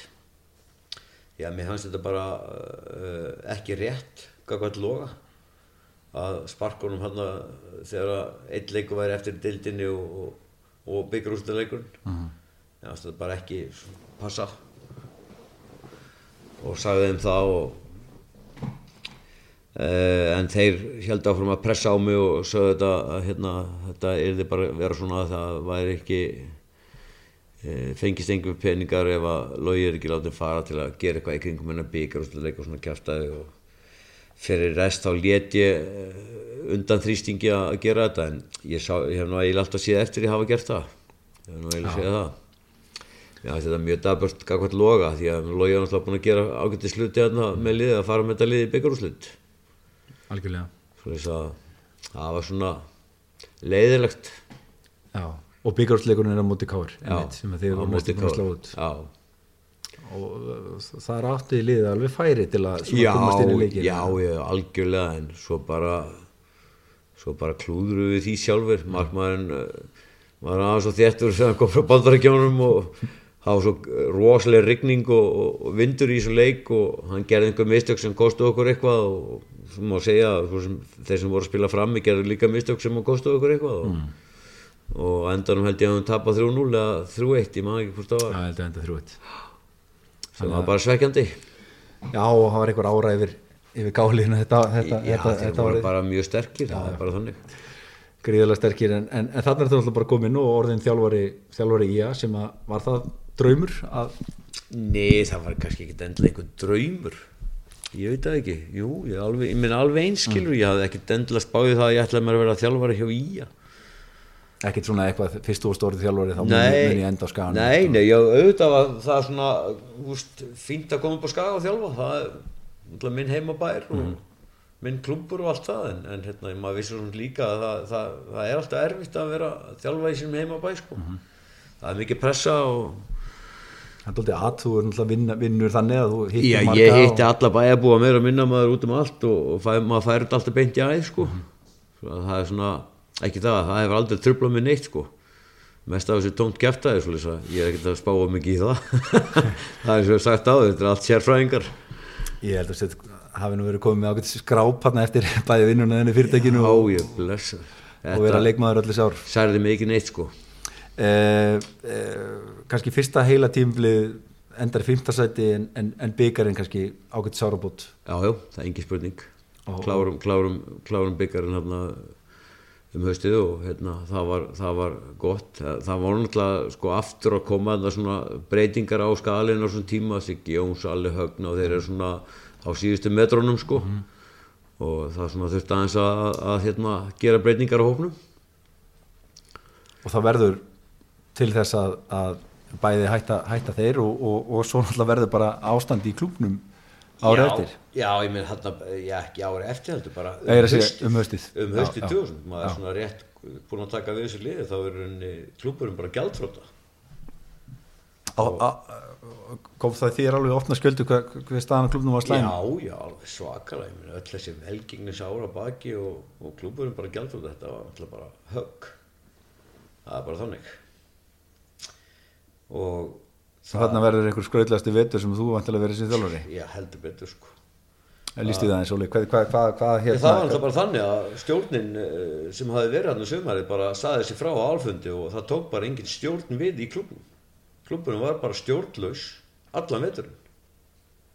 Og ég stóð þarna bara uppi ráðan þjálfari hjá félaginu og, og það var bara engin að vinna í þessu félagi og, og, og leikmennin er allir með samninga og það fekk engin bó- útborga eitt eða neitt, hvorki leikmennin þjálfari eða, og það var bara uppi fótur og fyrt, það, það er bara þannig.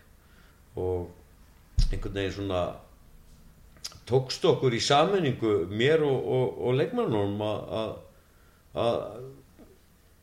drífa þetta áfram um veturinn.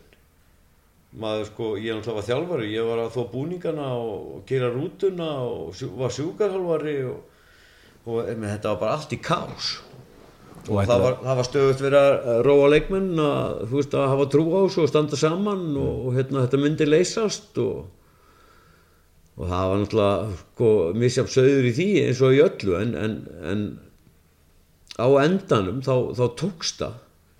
Og þetta náttúrulega kannski var líka til þess að það skapaðist svakalig samstaða í þessum hóp sem að skila sér svo í, í, í því að, að liði kláraði deildina sumar eftir Já, það- tímabil, þetta tímabil er náttúrulega kannski hálgjör öskubusku ævindiri. Það var náttúrulega bjóst engi við neinu fyrir tímabilið. algjörlega, það bjóst ekki neitt við neinu af skadaleginu þetta árið en, en Var það þessi sammeldin svona sem, að- sem, að- það, það er- verkum að... það er bara þannig að samhældnin skapaði þennan sigur það er bara svoleiðis það er engin spurning, eða allavega ekki í mínum huga Mm. náttúrulega svakalug mórall sem var náttúrulega eðlilega þjapamennum saman. já, ég, þetta var bara fínn hópur, góð mórall allir tilbúinir að, að, hérna, að leggja mikið á sig nema Hjörtur það, hann var reynda tilbúin til þess að þetta aðeins að sparka raskat á hann til þess Það tók, aðeins tíma, hann var að komið þarna ekki. hann var alltaf að grenja verið sem helvítis út í hlaupum sko ha. en hann hefur aldrei verið í betra formi heldur en þá Nei, hann var í ágættis formið þarna. Það er- Það spytur formið þarna en hann kom til þessins. já, já, það, það var náttúrulega það var náttúrulega voru menn að spája að fara að- starta ferðarþjónustu aðgæðansi svona sela, sela skoðanir þeir sá hann í magamingunum á, á langasandi, ég held að veri kópur sem var að gúra þarna á ströndinu en þá var þetta bara hjörtur að gera magamingar Hvað er það? en hann er nú búinn að ná sér niður Já, eftir það já, heldur betur. Hvað, hvað, Óli, hvenna hafði verið tilfinningu að þetta lið gæti farið allar leið? Var það, það, það var nú ekki fyrir bara uh, var langt lið á sömarið þá, þá, þá tókum við nú bara hérna klefafund og gerðum út um málun annarkot ætlum við okkur bara stefna hann titil að við getum bara hætt þessu. Því við værum alveg jafn, eh, góðri stöð og margir aðrir en deildinu til að vinna þetta sem að, sem að varð. Það er hérna, það er eftirminnulegur leikur sem að liði tapar held ég, 3-0 þessu bara tvær tværum fyrir eftir eitthvað svo leiðis og, og það hefur verið einhver, einhver magalendingin en liðin á sér á strik og endar svona í úrslituleik gegn Íbjöfaf og það er mér eftirminnilegt Óli að, að þetta var alltaf skraulur undirbúningu fyrir hennar leik. E, daginn fyrir er, er liðið í bátu á leiðin til eiga og allir sjóvíkin ánast og, og æfingi var hvorki fullin fiskur Já, í eigum Rála veður og gist ekki var ekki að Já, við gistum hann í heima ósi og, og hérna, ja, hvað hétt konan varstu sem að leiða okkur, ég maður hann bara ekki. Þetta var þekkt, þekkt farfugla heimil í eigum sem við gistum á og það var bara skemmtilegt sko. En, en veðrið svo á leikdag, já, það var alltaf bara svakalegt sko. Það var bara 25 metrar á sekundu beint á annar markið og það var alltaf bara ótrúlega til raun að þessi leikur skildi hafa farið fram.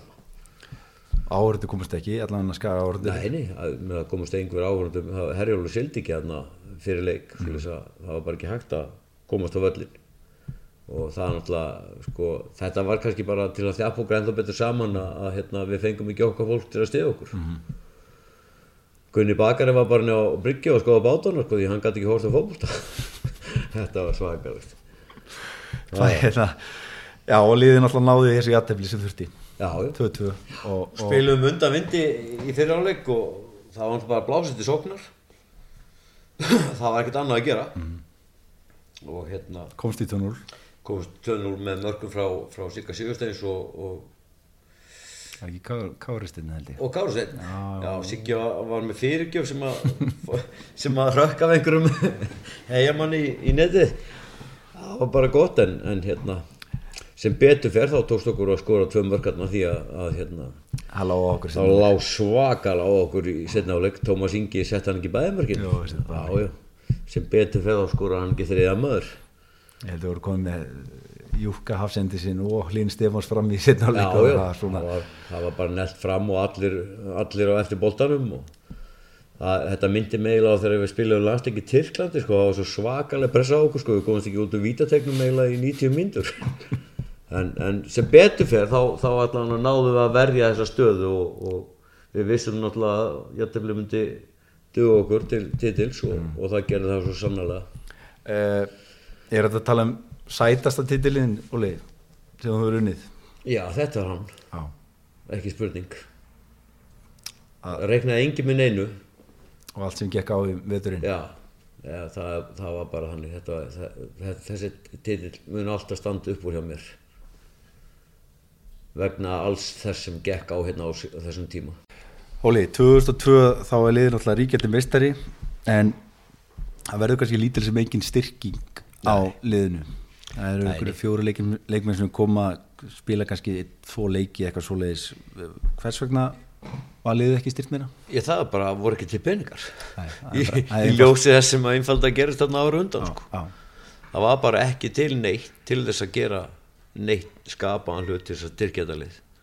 Og það er bara því miður þá, þá var það þannig og ég svo sem var ekkert að grenja við því neinstaðar en, en auðvitað hefði maður vilja sjá það að hérna er þið laður meiri metnaður í þetta og mm. fengni svona eins og tveir til þrý leikmenn.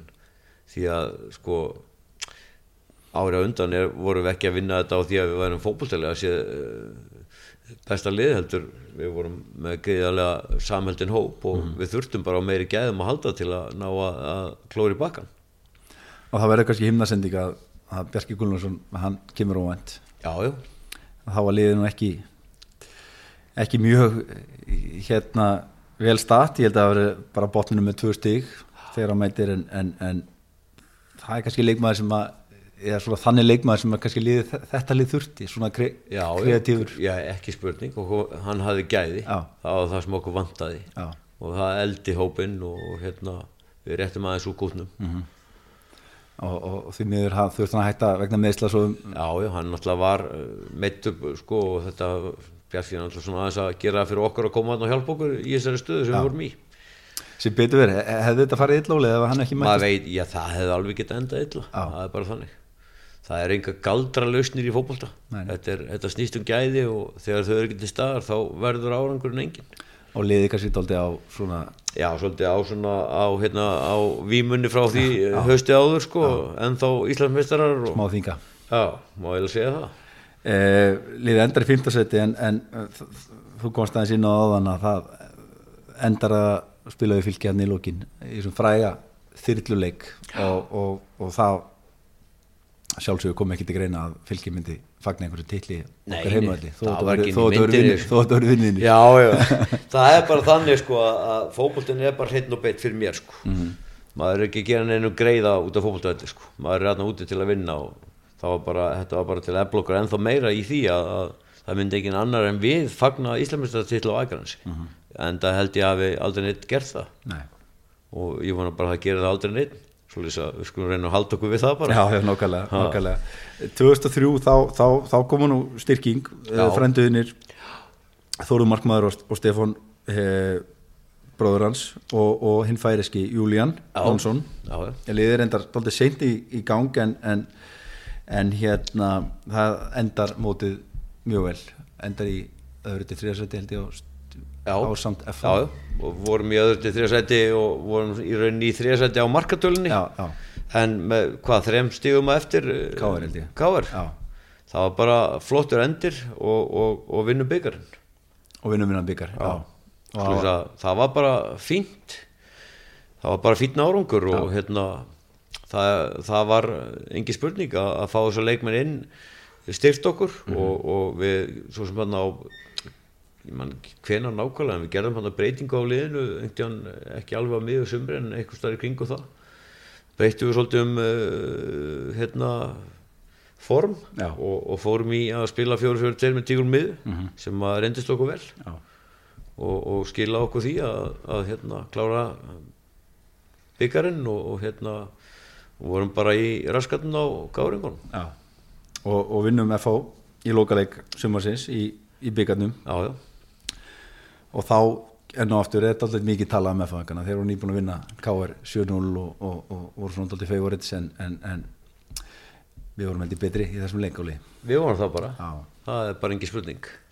Og hérna ég man alltaf sko fórum, það var svona að vera að byrja með þetta sjófi kringum byggarústin sko, vera með svona fund eh, fyrir Já, þjálfara. þjálfarana Já, og svona og þannig ISI sko. Já, og, og þjálfarinn alltaf halda einhver framsög og, og, og Óli var búinn að halda sína framsög þegar ég fer hann inn Óli Jó. Og ljá og, og, ég bara fer hann upp og segi það að við svona mikið með reyna sérstaka hérna uppstillingu hérna til að sína ykkur hvað við erum að fara að gera en við ætlum að vinna hennan leik og verða beigamestrar og, og bara við værum grimmari og, og ég bara hérna svona, ég skinjaði það úr salnu bara þú veist, það var svona þetta er nú meira fýblið maður og það, það var svo smákvæmdu ekki það, ég vissi nákvæmlega hvernig ég ætlaði að gera hlutina Já. það var ekki vandamálið en, en mér finnst þetta svo bara einhvern veginn eh, skrítið að vera að fara einhvern fund með sko forraðmönnum F og, og allra hinna sko að segja þeim hvernig við ætlum að fara að því að vinna hennar leik. Mér, mér fannst það bara út í hött og ég held að í sjálf sér sé að enn, enn þann dag í dag þannig að þjálfarnir fara hann á fund og segja eitthvað allt annað heldur en að segja henni klefa fyrir leik Já, já, já, Ha. Algjör, algjörlega. Það er bara svo leis Hérna eh, 2004-05 þá, þá er liðið eh, þriðasæti held ég. Eh, kannski án þess að gera einhver allu á titlinum en það er kannski svona doldið samanmerki með flestum þessum liða og liða það er svona byrjunin á deildinni var var ekki nóg góð. Nei, nei, það var náttúrulega sko á þessum tíma hérna til dæmis 2004 og 5 það var að koma hérna svolítið af ungum strákum inn í hópin og við erum bara, okkur vandarinu bara aðeins meiri gæði segi ég, bara meiri gæði en, en, en auðvitað getur vel verið að eitthvað hefði mátt betur fara til að við kemum betur til leiksi í byrjum móts. Við náttúrulega æfiðum alltaf eins og skeppnur en það líka má kannski segja að, að, að hérna, kannski hefði þetta ekki endað eins vel. Nei, nei, ef akkurat við höfum byrjað betur. Já. maður veit ekkert um það. Nei, nei, en við vorum alltaf í svaka góða formi og við hættum ekki fyrir mótið að búa höst Mhm. og þá vorum við þarna bæði sem sagt, 2003, 2004, 2005 vorum við í öðru til þriðarsæti Mhm. á stigum sem ég tel nú bara ansið gott Já, Þannig að það eru verið búin að vera þjálfari í hvað? Fymta tímblið eða fjórða tímblið? Já, byrja hérna, já, Ní- tv- 2000, já. 2000, 2001, 2003, 2005 Og gerir nýjan samning eftir þetta tímbil 2005 Já, já. til 30 ára Já, og segir í vitilega að þetta hafi verið erfið ágrunn. Aðeins aðeins í þeir að, breyta til. að breyta til. Og fylgið náttúrulega hafi verið dóldi í raskatina já Eh, sérðu eftir því dagli að, að, að, að svona sjá þetta sjá, að fara bara um fara í nýtt lið þarna á þessum tíma? Nei, það, ég spá ekki dýta maður, Nei. ekki neitt. Það er bara líf heldur áfram. Hvað gerir svo 2006 Óli? Þráttur mjög góða styrkingu og þá, þá byrja lið alveg skelfilega Nei, ég verður eiginlega að segja að við fengum ekki góða styrkingu, þannig lagað er það ekki? Dott Arnór Bjarki Já, við, meina, við missum uh, hafsendaparið sem var búið að spila öll árun undan Mhm. -hmm. þig, Gu- Gunnar Jónsson og, Reyn Ljósson og við erum í vandrað með að fylla í skarðið Já. og það var reyndist okkur bara gríðarlega erfitt og það var einhver peningar til að kaupa leikmenn og, og hérna enn eitt árið bara þú veist, kannski var maður ekki nóg harður að lemja í borði og, og þjárma á stjórnumönnum að, að finna peninga í þetta en svo bara, það var ekkert langt í mót hér, allt í hennu dúkað upp að, að hérna Dotti og, og, og Bjarni getur komið. Já. þetta var ekkert endilega leikmyndi sem ég var að litað. Mér vandaði bara sko sterkan hafsend til að stjórna vörninni og, og hérna það, það var kannski líkilandrið að fá reynslu bolta inn í hafsendin í staðan fyrir ykkur sem að höfðu farið hann um veturinn en ég með að þú veist jú, jú, Dotti og, og Bjarni voru góða fótboltamenn, það- þetta snýst ekki um það. En þetta voru ekkert leikmenni sem ég var að leitað en allt í hennu var bara sagt að þú getur fengið þá, þá var eins og, já, ok það er bara ekkert annað í bóði og ég var náttúrulega ekkert sérstaklega ánað með það. Og svo náttúrulega bara urðu erfileikar í, í, í hérna í klefanum og, og hérna það er svona komið upp einhver óeining í hópnum sko. og það bara skilja sér út á völl. Og liðin ná, náðu ekki, ekki þeim Nei. árangri sem að Nein sem að síðustu þrjú árun undan var bara búin að vera á finni leið með mikið af ungu strákum og sem voru tilbúin að leggja mikið á sig og það bara einhvern veginn datt bóttin úr þessu. Þannig að þú hefur verið ósamlega að fá þessa leikmenn inn í á þessu, þessu Já, tí, ég, ég hefði viljað nota peningarni að kaupa, kaupa allavega einn hafsend á sínum tíma. Að það, það, þetta var ekkert sem að ég valdi. Nei, nei. Svoleiðis að það er bara eins og það er þannig að leiði skildu þetta um mitt sumar, mitt sumar. Og, og hérna hvað var hvað varst að hugsa þá? Var- varstu staðráðinni að halda áfram sem þjálfari Já, ég var það nú Ég fannst mér bara búin að vera að gera ágættis hluti og ég meina meira og minna sko ég með skalið í Evropakefni öll árin og, og hérna það var ekkert uh, það var ekkert margir þjálfar að gera neitt betri hluti en ég á þessum tíma svoleiðis að, að hérna því ekki halda bara áfram mér finnst bara skemmtilegt að vera í kringum fótboltan og og þá ákveður að fara fram er það ekki? já þá semst bauðst það að fara í framhaldum hausti sko já, já.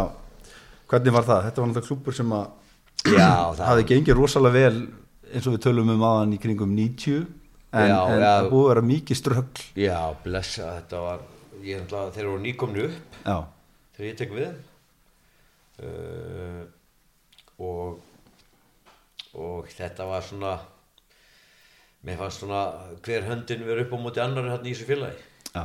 Enda, enda er þetta félag búið að vera bara svona á einhverjum hrakkólum síðan, meira að minna.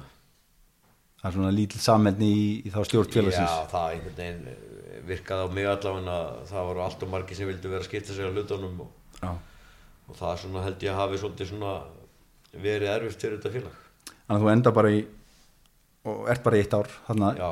og hérna já, kannski, þið áttu bara ekki leiðið saman þá vantilega Nei, nei, það var náttúrulega bara menn sem voru að skipta sig á hlutum sem kom þeim ekki við og það bara getur ekki gengið upp þegar menn alltaf ná árangri. þannig að þú ert loksins komin í fylki þá 2008 Já, það var konið fylgir aftur. eftir að þeir búin að reyna við þig hverja ár í, í mörg mörg ár. Já, já. hvernig var ástandi í klubnum, hvað hefði breyst þar síðan þú varst að síðast? Já, það er svo náttúrulega bara allir þeir leikmenn meira og minna sem að ég sko var með þarna næstu í tíu árum áður voru, voru farnir í rauninni.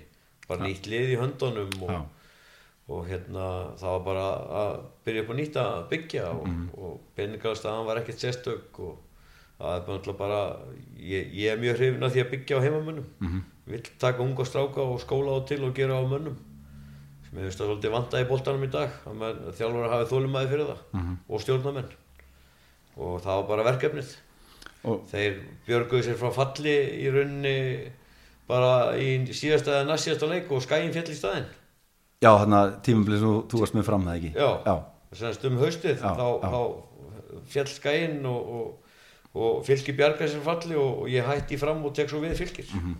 og nær fínum áragrið á fyrsta ári já, fór bara í árgefna strax á næsta ári og, og það var alltaf bara að búa loman hinn og þessum að ef, ef þið tekst að halda þeim uppi sko, þá lagast þetta og hitt sko, og það gerist ekki neitt sko, þáttur að við færum með árgefni okay. það var bara sama bastli áfram og, og hérna Það vært í tvö, tvö tímli viðbót 2010 og 2011 já. og hættir svo með á eh, eftir tímli 2000 11 var það þetta fjárháslega kannski Já, ástand sem var erfitt? þreytandi að vera alltaf sko, í þessu sömu hjólfurum að geta ekki bætt við sig gæðum, en mér á þessum tíma var ég nánast bara strákar úr árbænum að spila. Mm -hmm. bara held ég bara sveimur þá hvort það var ekki bara allir. En, en hérna, þú veist að geta ekki bætt við að því maður vill taka næsta skrif sem þjálfur það er bara þannig maður mað gæði- tekur ákveðin sko tími í að byggja einhvern grunn sko. Þó- og þá vill maður ekki halda áfram að stækka grunnin sko, maður vill fara að fá eitthvað ris á, á, á þennan struktúr sem maður er með í höndunum og, og hérna Dóldi svipað eins og skæinn 2002 nákvæmlega. vandara peninga til að geta bætt við þeim gæðum sem þarf til að ná lengra. Já. Þeir voru ekki til staðar í fylki en, en hvernig var ástandið í Víking þegar þú tekur við þeim í fyrstu deildinni það var bara svona ágætt allavega Það var svona, hugur í já það var hugur í þeim og í þeir voru tilbúin að, að, að hérna að, að leggja eitthvað í það til að ná árangri og, og hérna og hann næst á öðru ári. Já, og farið upp úr förum upp úr, upp úr deildinni á öðru ári og það var bara fínt og, og hérna förum svo bara í já bara ansi langt í deildinni árið eftir Já. og endum í þriða seti eða að- fjórða seti langaði aðeins að staldra við þetta 2013 tíbil því að Óli Jó gerði allt vittlust hérna í vitali við mig fyrir, já, já, hérna, fyrir nokkur síðan eh, með þennan fræga leik hérna móti Völsungóli 16-0 Já. að Óli vildi meina að, að það var eitthvað maðkur í missunni hver er svona þín sín á, það? Já mín sín nú bara mjög hrein og bein og fyrir það fyrsta þá svona vill ég nú ekki trúa því að menn eh, allavega ekki þessir drengir myndu, myndu hérna fara að fixa eitthvað með úslit fyrir það fyrsta, ég hef enga trúið ég þekki til dæmis Hallgrim Mar aðeins og hérna algjör toppdrengur myndi aldrei trúa upp á hann eða bræður hans að, að gera það. Það er, það, er ekki, það er ekki spurning. En, en ég vil nú fyrst kannski benda það að við vissum fyrir þennan leik hversu gríðarlega mikilvægur þessi leiku væri fyrir okkur. Og ég var búinn að brína á alla vikuna að, að það væri alveg nákvæmlega sama hvað gerðist í þessum leik. Við erum alltaf að spila eins og hungrur ljón og staðan væri alltaf 0-0 og við erum að vinna. Svo þess að það var sko öll vikan fór í það að brína á í það. Svo kannski það sem gerist í framhaldinu er það að Völsungur er í miklu basli með leikmannahópin sinn og var reynda búinn að vera í miklu basli allt sumarið. Hvað unnu er tvo leiki þetta sumar? Að. Það var eitthvað svo hitt var allt tap. Og Þjálfur nettur þjálfan hættur uh, það er sem einhver 16 ára strákutti settur í markið og einhverju fleiri ungi leikmenn sem að koma inn í liðið. Svakalegt strögglaðum og þeir eru að koma keigrandi í held ég sko 17 manna rútu 16 leikmenn 7 tíma ferðalag mættir 40 mínútum fyrir leik.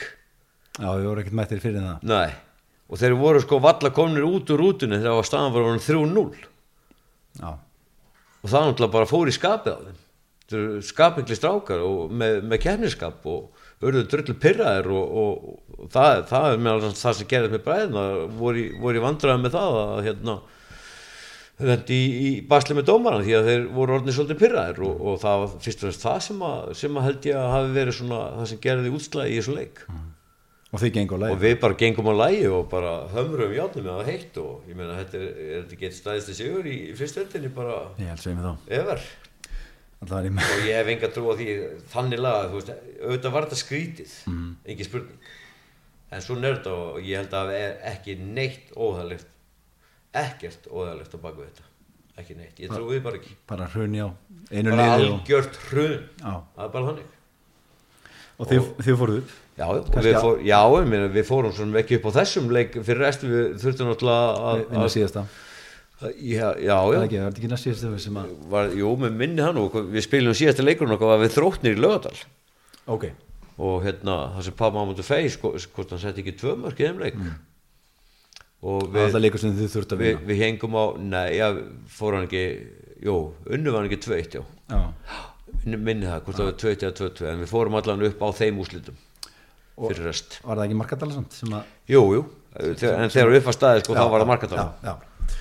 Uh, Ég hef, ég hef, ég meina sko, þú veist, eh, 16-0 í fyrstu deild, ég er búin að vinna nokkra leiki sko með 9 og 10 mörgum í efstu deild. já, já. Það getur allt gerst í fótbolta.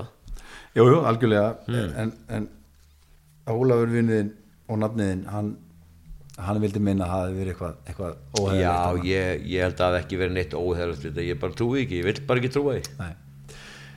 Þið eru komin uppbóli 2014 og Björn Einarsson sem þá var þetta formaður hann, hann segir í einhverju að tilkynnti í einhverju áramóta kveðu að stend var að Víkingur er besta félag landsins árið 2014 Já. og hérna trublaði þetta Óli eh, svona, þessi háleitum markmið Nei. formansins Nei, ekki, ekki fyrir fimm haura. Ég veit alveg hvernig hlutnir er í fótbolta og hérna, ég fór bara út á völl til að vinna mína vinn. Mhm. og, og til þess að, að sko að klubbar verði bestir þá þarf rosalega margt að, að, að passa saman og það þá eftir að bæta einhverjum púslum í spilið þarna í víkinu til þess að það gerist hvað þá? Hvaða fúslu með það?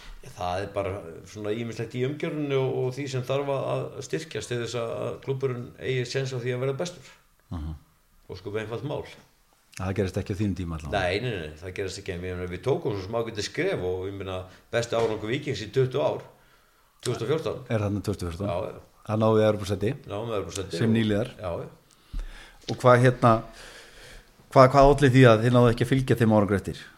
Já, það er bara, þú veist, ímislegt sem eftir að benda á. Ég er náttúrulega eins og sagði hérna fyrir í uttalinu, ég lendi í, hérna, bílstís Já. hérna tvei mánuðum eftir, eftir að við tryggjum okkur efrursættið og er frá allan veturinn og bara komið eiginlega ekkert að þjálfum liðsins um veturinn Nei og það var bara of mikið, fannst mér.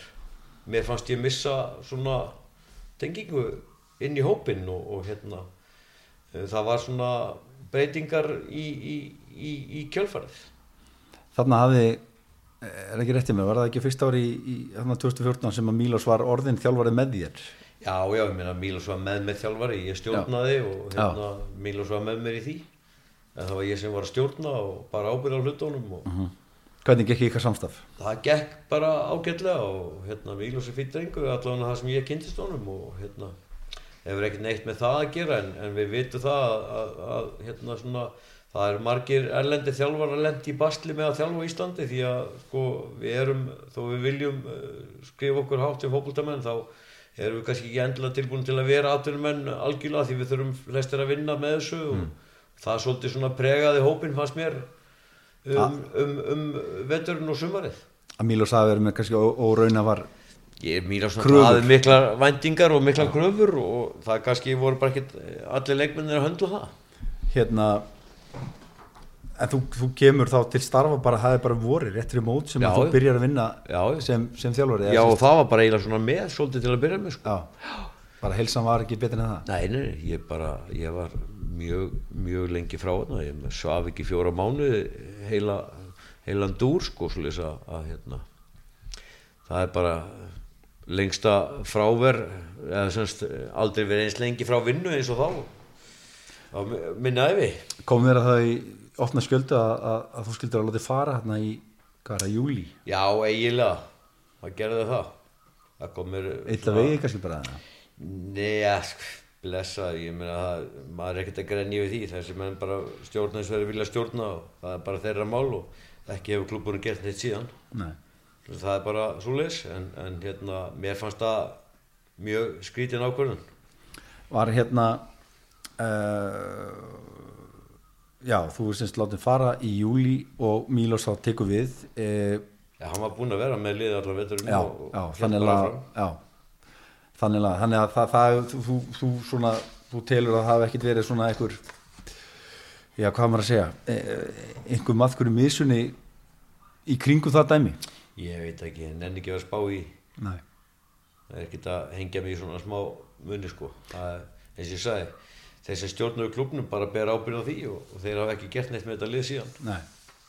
Þetta er 2015 áli og, og, og nú erum við hérna 2018 uh, þú varst reyndar orðað við Færiða já. hausti 2015 en, en kannski leist ekki nei, það var ekki, ekki, ekki, ekki upp. Nei. Hef svo, hef svo sem fengið bóðum að þjálfa nokkra klubba. En, en það hefur ekki passað. Nei. Áttu vonaði að þú munir þjálfa afturóli Veit það ekki. Er, eru kannski sá kapli bara lokið það Ég, sko, ég bara eh, hef eiginlega bara ekki gert það upp fyrir mig. Ha. Nei. en dræfið er það til staðan ef, að- ef að rétt tilbúð kemur Já, það er alveg til staðar. Ég hef náttúrulega alveg óbúslega gamla fótbolta og eigið miklu tími að horfa á fótbolta og hef búin að eigða miklu hluta af mínu lífi í fótbolta svo að að, hérna, þetta er svona eitt af því fáa sem ég virkilega kann. En uh, hvort að það kemur einhvern veginn upp eða ekki, það verður bara tímunulegi ljós. Ég ætla ekki að fullir að neitt um það núna á þessari stundu en, en hérna. Það eru margir sem sakna enn Já, það er bara hérna, einhverju sjónvarsmenn og svo veist það ekki sem að vilja, vilja fá að heyra einhver hérna, orðum um hvernig það var að gera hlutina eða hvernig það voru að gera í gamla daga. Já. Ha, hætta þessu helvitis væli sem er orðið í dag og sem mjálmi, það, það er allt, allt í bómull í dag og það þóri enginn að segja eitt eða neitt. en hvernig, hvernig gekk þér þá eða síðustu árin í, í þjálfun í þessu nýja umhverfi Bara vel. eða svona hvernig gekk þér að, að- höndla þetta er alltaf alveg það er bara breytt samfélag Já, já, þetta er náttúrulega bara, þú veist, það er verið að kettlingavæða þetta allt saman, það er bara þannig. Það má enginn stíga út fyrir línuna, skilur, það, það má ekki segja neitt og feminismin var það, þið, líst ekki til það? Ég, ég, sko, ég hef ekkert um móti feministum, en kallmenn eru bara kallmenn og, þú veist, út af vellinum er þetta bara, þú veist, eh, dýrin í skóginum, sko. og það er breytt? Það er bara, því er verið að breyta, það má ekkert. og skólagerfi þetta aldrei í Ég takt blessa það alltaf bara sko algjör skandal hvernig þetta, hvernig þetta er orðið. Það er verið að sko ég segja bara hreint út það er verið að sko uh, rítalín uh, hérna dópa börn frá unga aldri og, og taka sko ég alveg klára því að væri ég barn í dag þá væri ég örgulega töfaldar rítalínskamdi. Og við erum að taka burtu, við erum að drepa karakterin í þessum krökkum. Í staðan fyrir að bara reyna að koma þeim í einhverja útrás til þau geti fengið sko hérna bara notað allt þetta, alla þessu orku og hennan kraft sem í þeim býr sem að brýst út í einhverju öðru í staðin fyrir að fá að reyfa sig og gera eitthvað. Af því öll börn í dag þau eru bara stopnunum meira að minna frá, frá unga aldri. Þau, þau, þau, þau eru aldrei út að leika sér eins og börn voru áður og þau, þau vinna aldrei neitt. Þau, ég meina sko strákar í dag ekki einhver tvítugt þeir hafa bara alla unni handak og þetta er bara algjör hörmung. En það eru svolítið skrautlinir að, að það halva væri nóg sko. Þeir skýta á sig við að lifta 100 kíló. Hvað endur þetta? þetta bara endar illa þetta er skelvileg þróun þetta er bara hrikalega slæm þróun og þessi verður að snúa við maður horfir bara á stráka í dag sem er tvítur þeir eru bara eins og sko, maður var sjálfur 12-13 ára mm.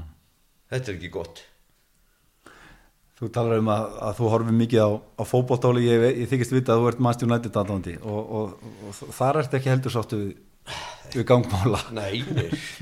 Það, hérna, sko, þó maður sem ekki að láta þau uppi þegar púlar er heyra, sko. það, en, sko, United spilar algjörðan hörmunga fótbolta, sko. Já, Hundlegilegt að horfa á þetta, og varna, algjörlega. og varna sinnað. Ég, þetta er bara, það, ég, ég ætla ekki að segja þessi ofvarna sinna, en það er ekki nú að sókna sinna. Nei, nei. Ha, fólk vil fá, fá að sjá, sóknar fótbolta. Það er bara þannig. Landsliðóli, ertu, ertu, ertu bjassitt fyrir, fyrir HM? Nei, það er ég ekki Heldur þetta að fari illa? nei, nei en sko maður er alltaf bara hrættur um það að þetta verði erfitt Já. það er svo mikla væntingar og þannig eru náttúrulega komni á staðista svið Sem við höfum ekki verið áður. nei, nei, við höfum ekki verið þar áður og hérna, þó svo að þeir hafi náð góðum árangri á EM þá er ekkert saman, sam, samhengi þar á milli þetta eru aðra þjóðir og, og, og þetta er á öðru leveli fyrst manni en auðvitað, sko, það er alltaf möguleik þegar það er labbútavöllin þá er 50-50 sens en spurningin er bara hvort að það sé nóg til þess að ná árangri á þessu sviði, það verður bara að í ljós. En þú ert ekki sérstaklega bjassitt svona á... Nei, ég er ekkert mjög bjassinn en ég er heldur ekkert svarsinn af því að sko, ég veit að bara fengin er reynslu að það er allt hægt. Það var ekkert margi sem trúðu því að Ísland myndi vinna England á EM. Nei. en það er hægt ef allt klaffar eins og maður segir þá, þá er möguleiki. Svona aðalókumóli, hvað stendur upp úr á þessum langaferlinu? Eh, Það er náttúrulega bara eiginlega allt fólkið. Þannig laga skilur þegar maður hefur kynst og, og hérna tekist á við það er ekkert, ég meina auðvitað allir titlanir frábærir. Eh, það ég sagt áður, ég meina ég var rosa heppin að bara hreinlega halda fætur og geta labbað það er náttúrulega gríðlega sáttu við Já, já, nákvæmlega. En það er alltaf bara veist, að hafa fengið að vera í svo svona lengi og á þessu leveli. Það er náttúrulega bara það sem að maður gengur út með. Það er ekkert, það fá ekki allir það að, að tækifæri að, að hérna, vera svona í, í þessu svona langa tíma sem ég hef verið. Ég er náttúrulega bara fyrst og fremst óbúslega ánægð með það. Ertu með töluna á titlunum? Uh, á Íslandi held ég að um held ég, eh, 14 titla semst, sjö Íslandsmeistartitla í meistaraflokki og, og, og svo tvo í yngri flokkunum 11 munna bolta og sjö byggameistartitla Já, það er með þjálfurinn eða ekki. já Já, ég var alltaf spilandi þjálfur líka en þeir eru Íslandsmeistarar Nákvæmlega, nákvæmlega. Má ekki gleyma því. spilaði hálft mótið þá myndi Garðar skaut pungin undan mér Var það svoleiðis? já, mannst ekki eftir því Nei, ég man ekki bleið því. á æfingum maður neldan svoleiðis Var það Garðar Gullur sem kom upp fyrir að þú klárar ekki mótið? já, já, það var Garðar Gunnlús En þá fannst þólningin ekki? Jú, þá fundum við þá döttum við nýra á lausnina svona er þetta líf Ég hef búin að gleyma í Garðar. Já, þetta var alveg þetta var alveg snild sko Var það nárið það? já, eða semst lífbeinið, það blætti svo inn á lífbeinið hjá mér að, hérna, það losnaði festing á náravöð og ripnaði frá Já, ok. og svo slitna hún endalega um haustið þegar ég var á rjúpu vestur á fjörðum var að hlaupa eftir gæs þegar ég var á rjúpu og gerði endalega út um fyrirlinn. já, já, svona er þetta líf ha. Hólaður Þorvarsson, hérna, takk fyrir að koma í nái. Takk sem leiðis. Íslenska landsliði þurft að berjast gegn mótlætinu og sigrast á mörgum af sterkustu knatsbyrnu þjóðum Evrópu til að komast á HM í Rúslandi. Við sjáum um að það verði auðveldara fyrir þig. Ræðgreðslir borgunar. Auðvelda ferðalög.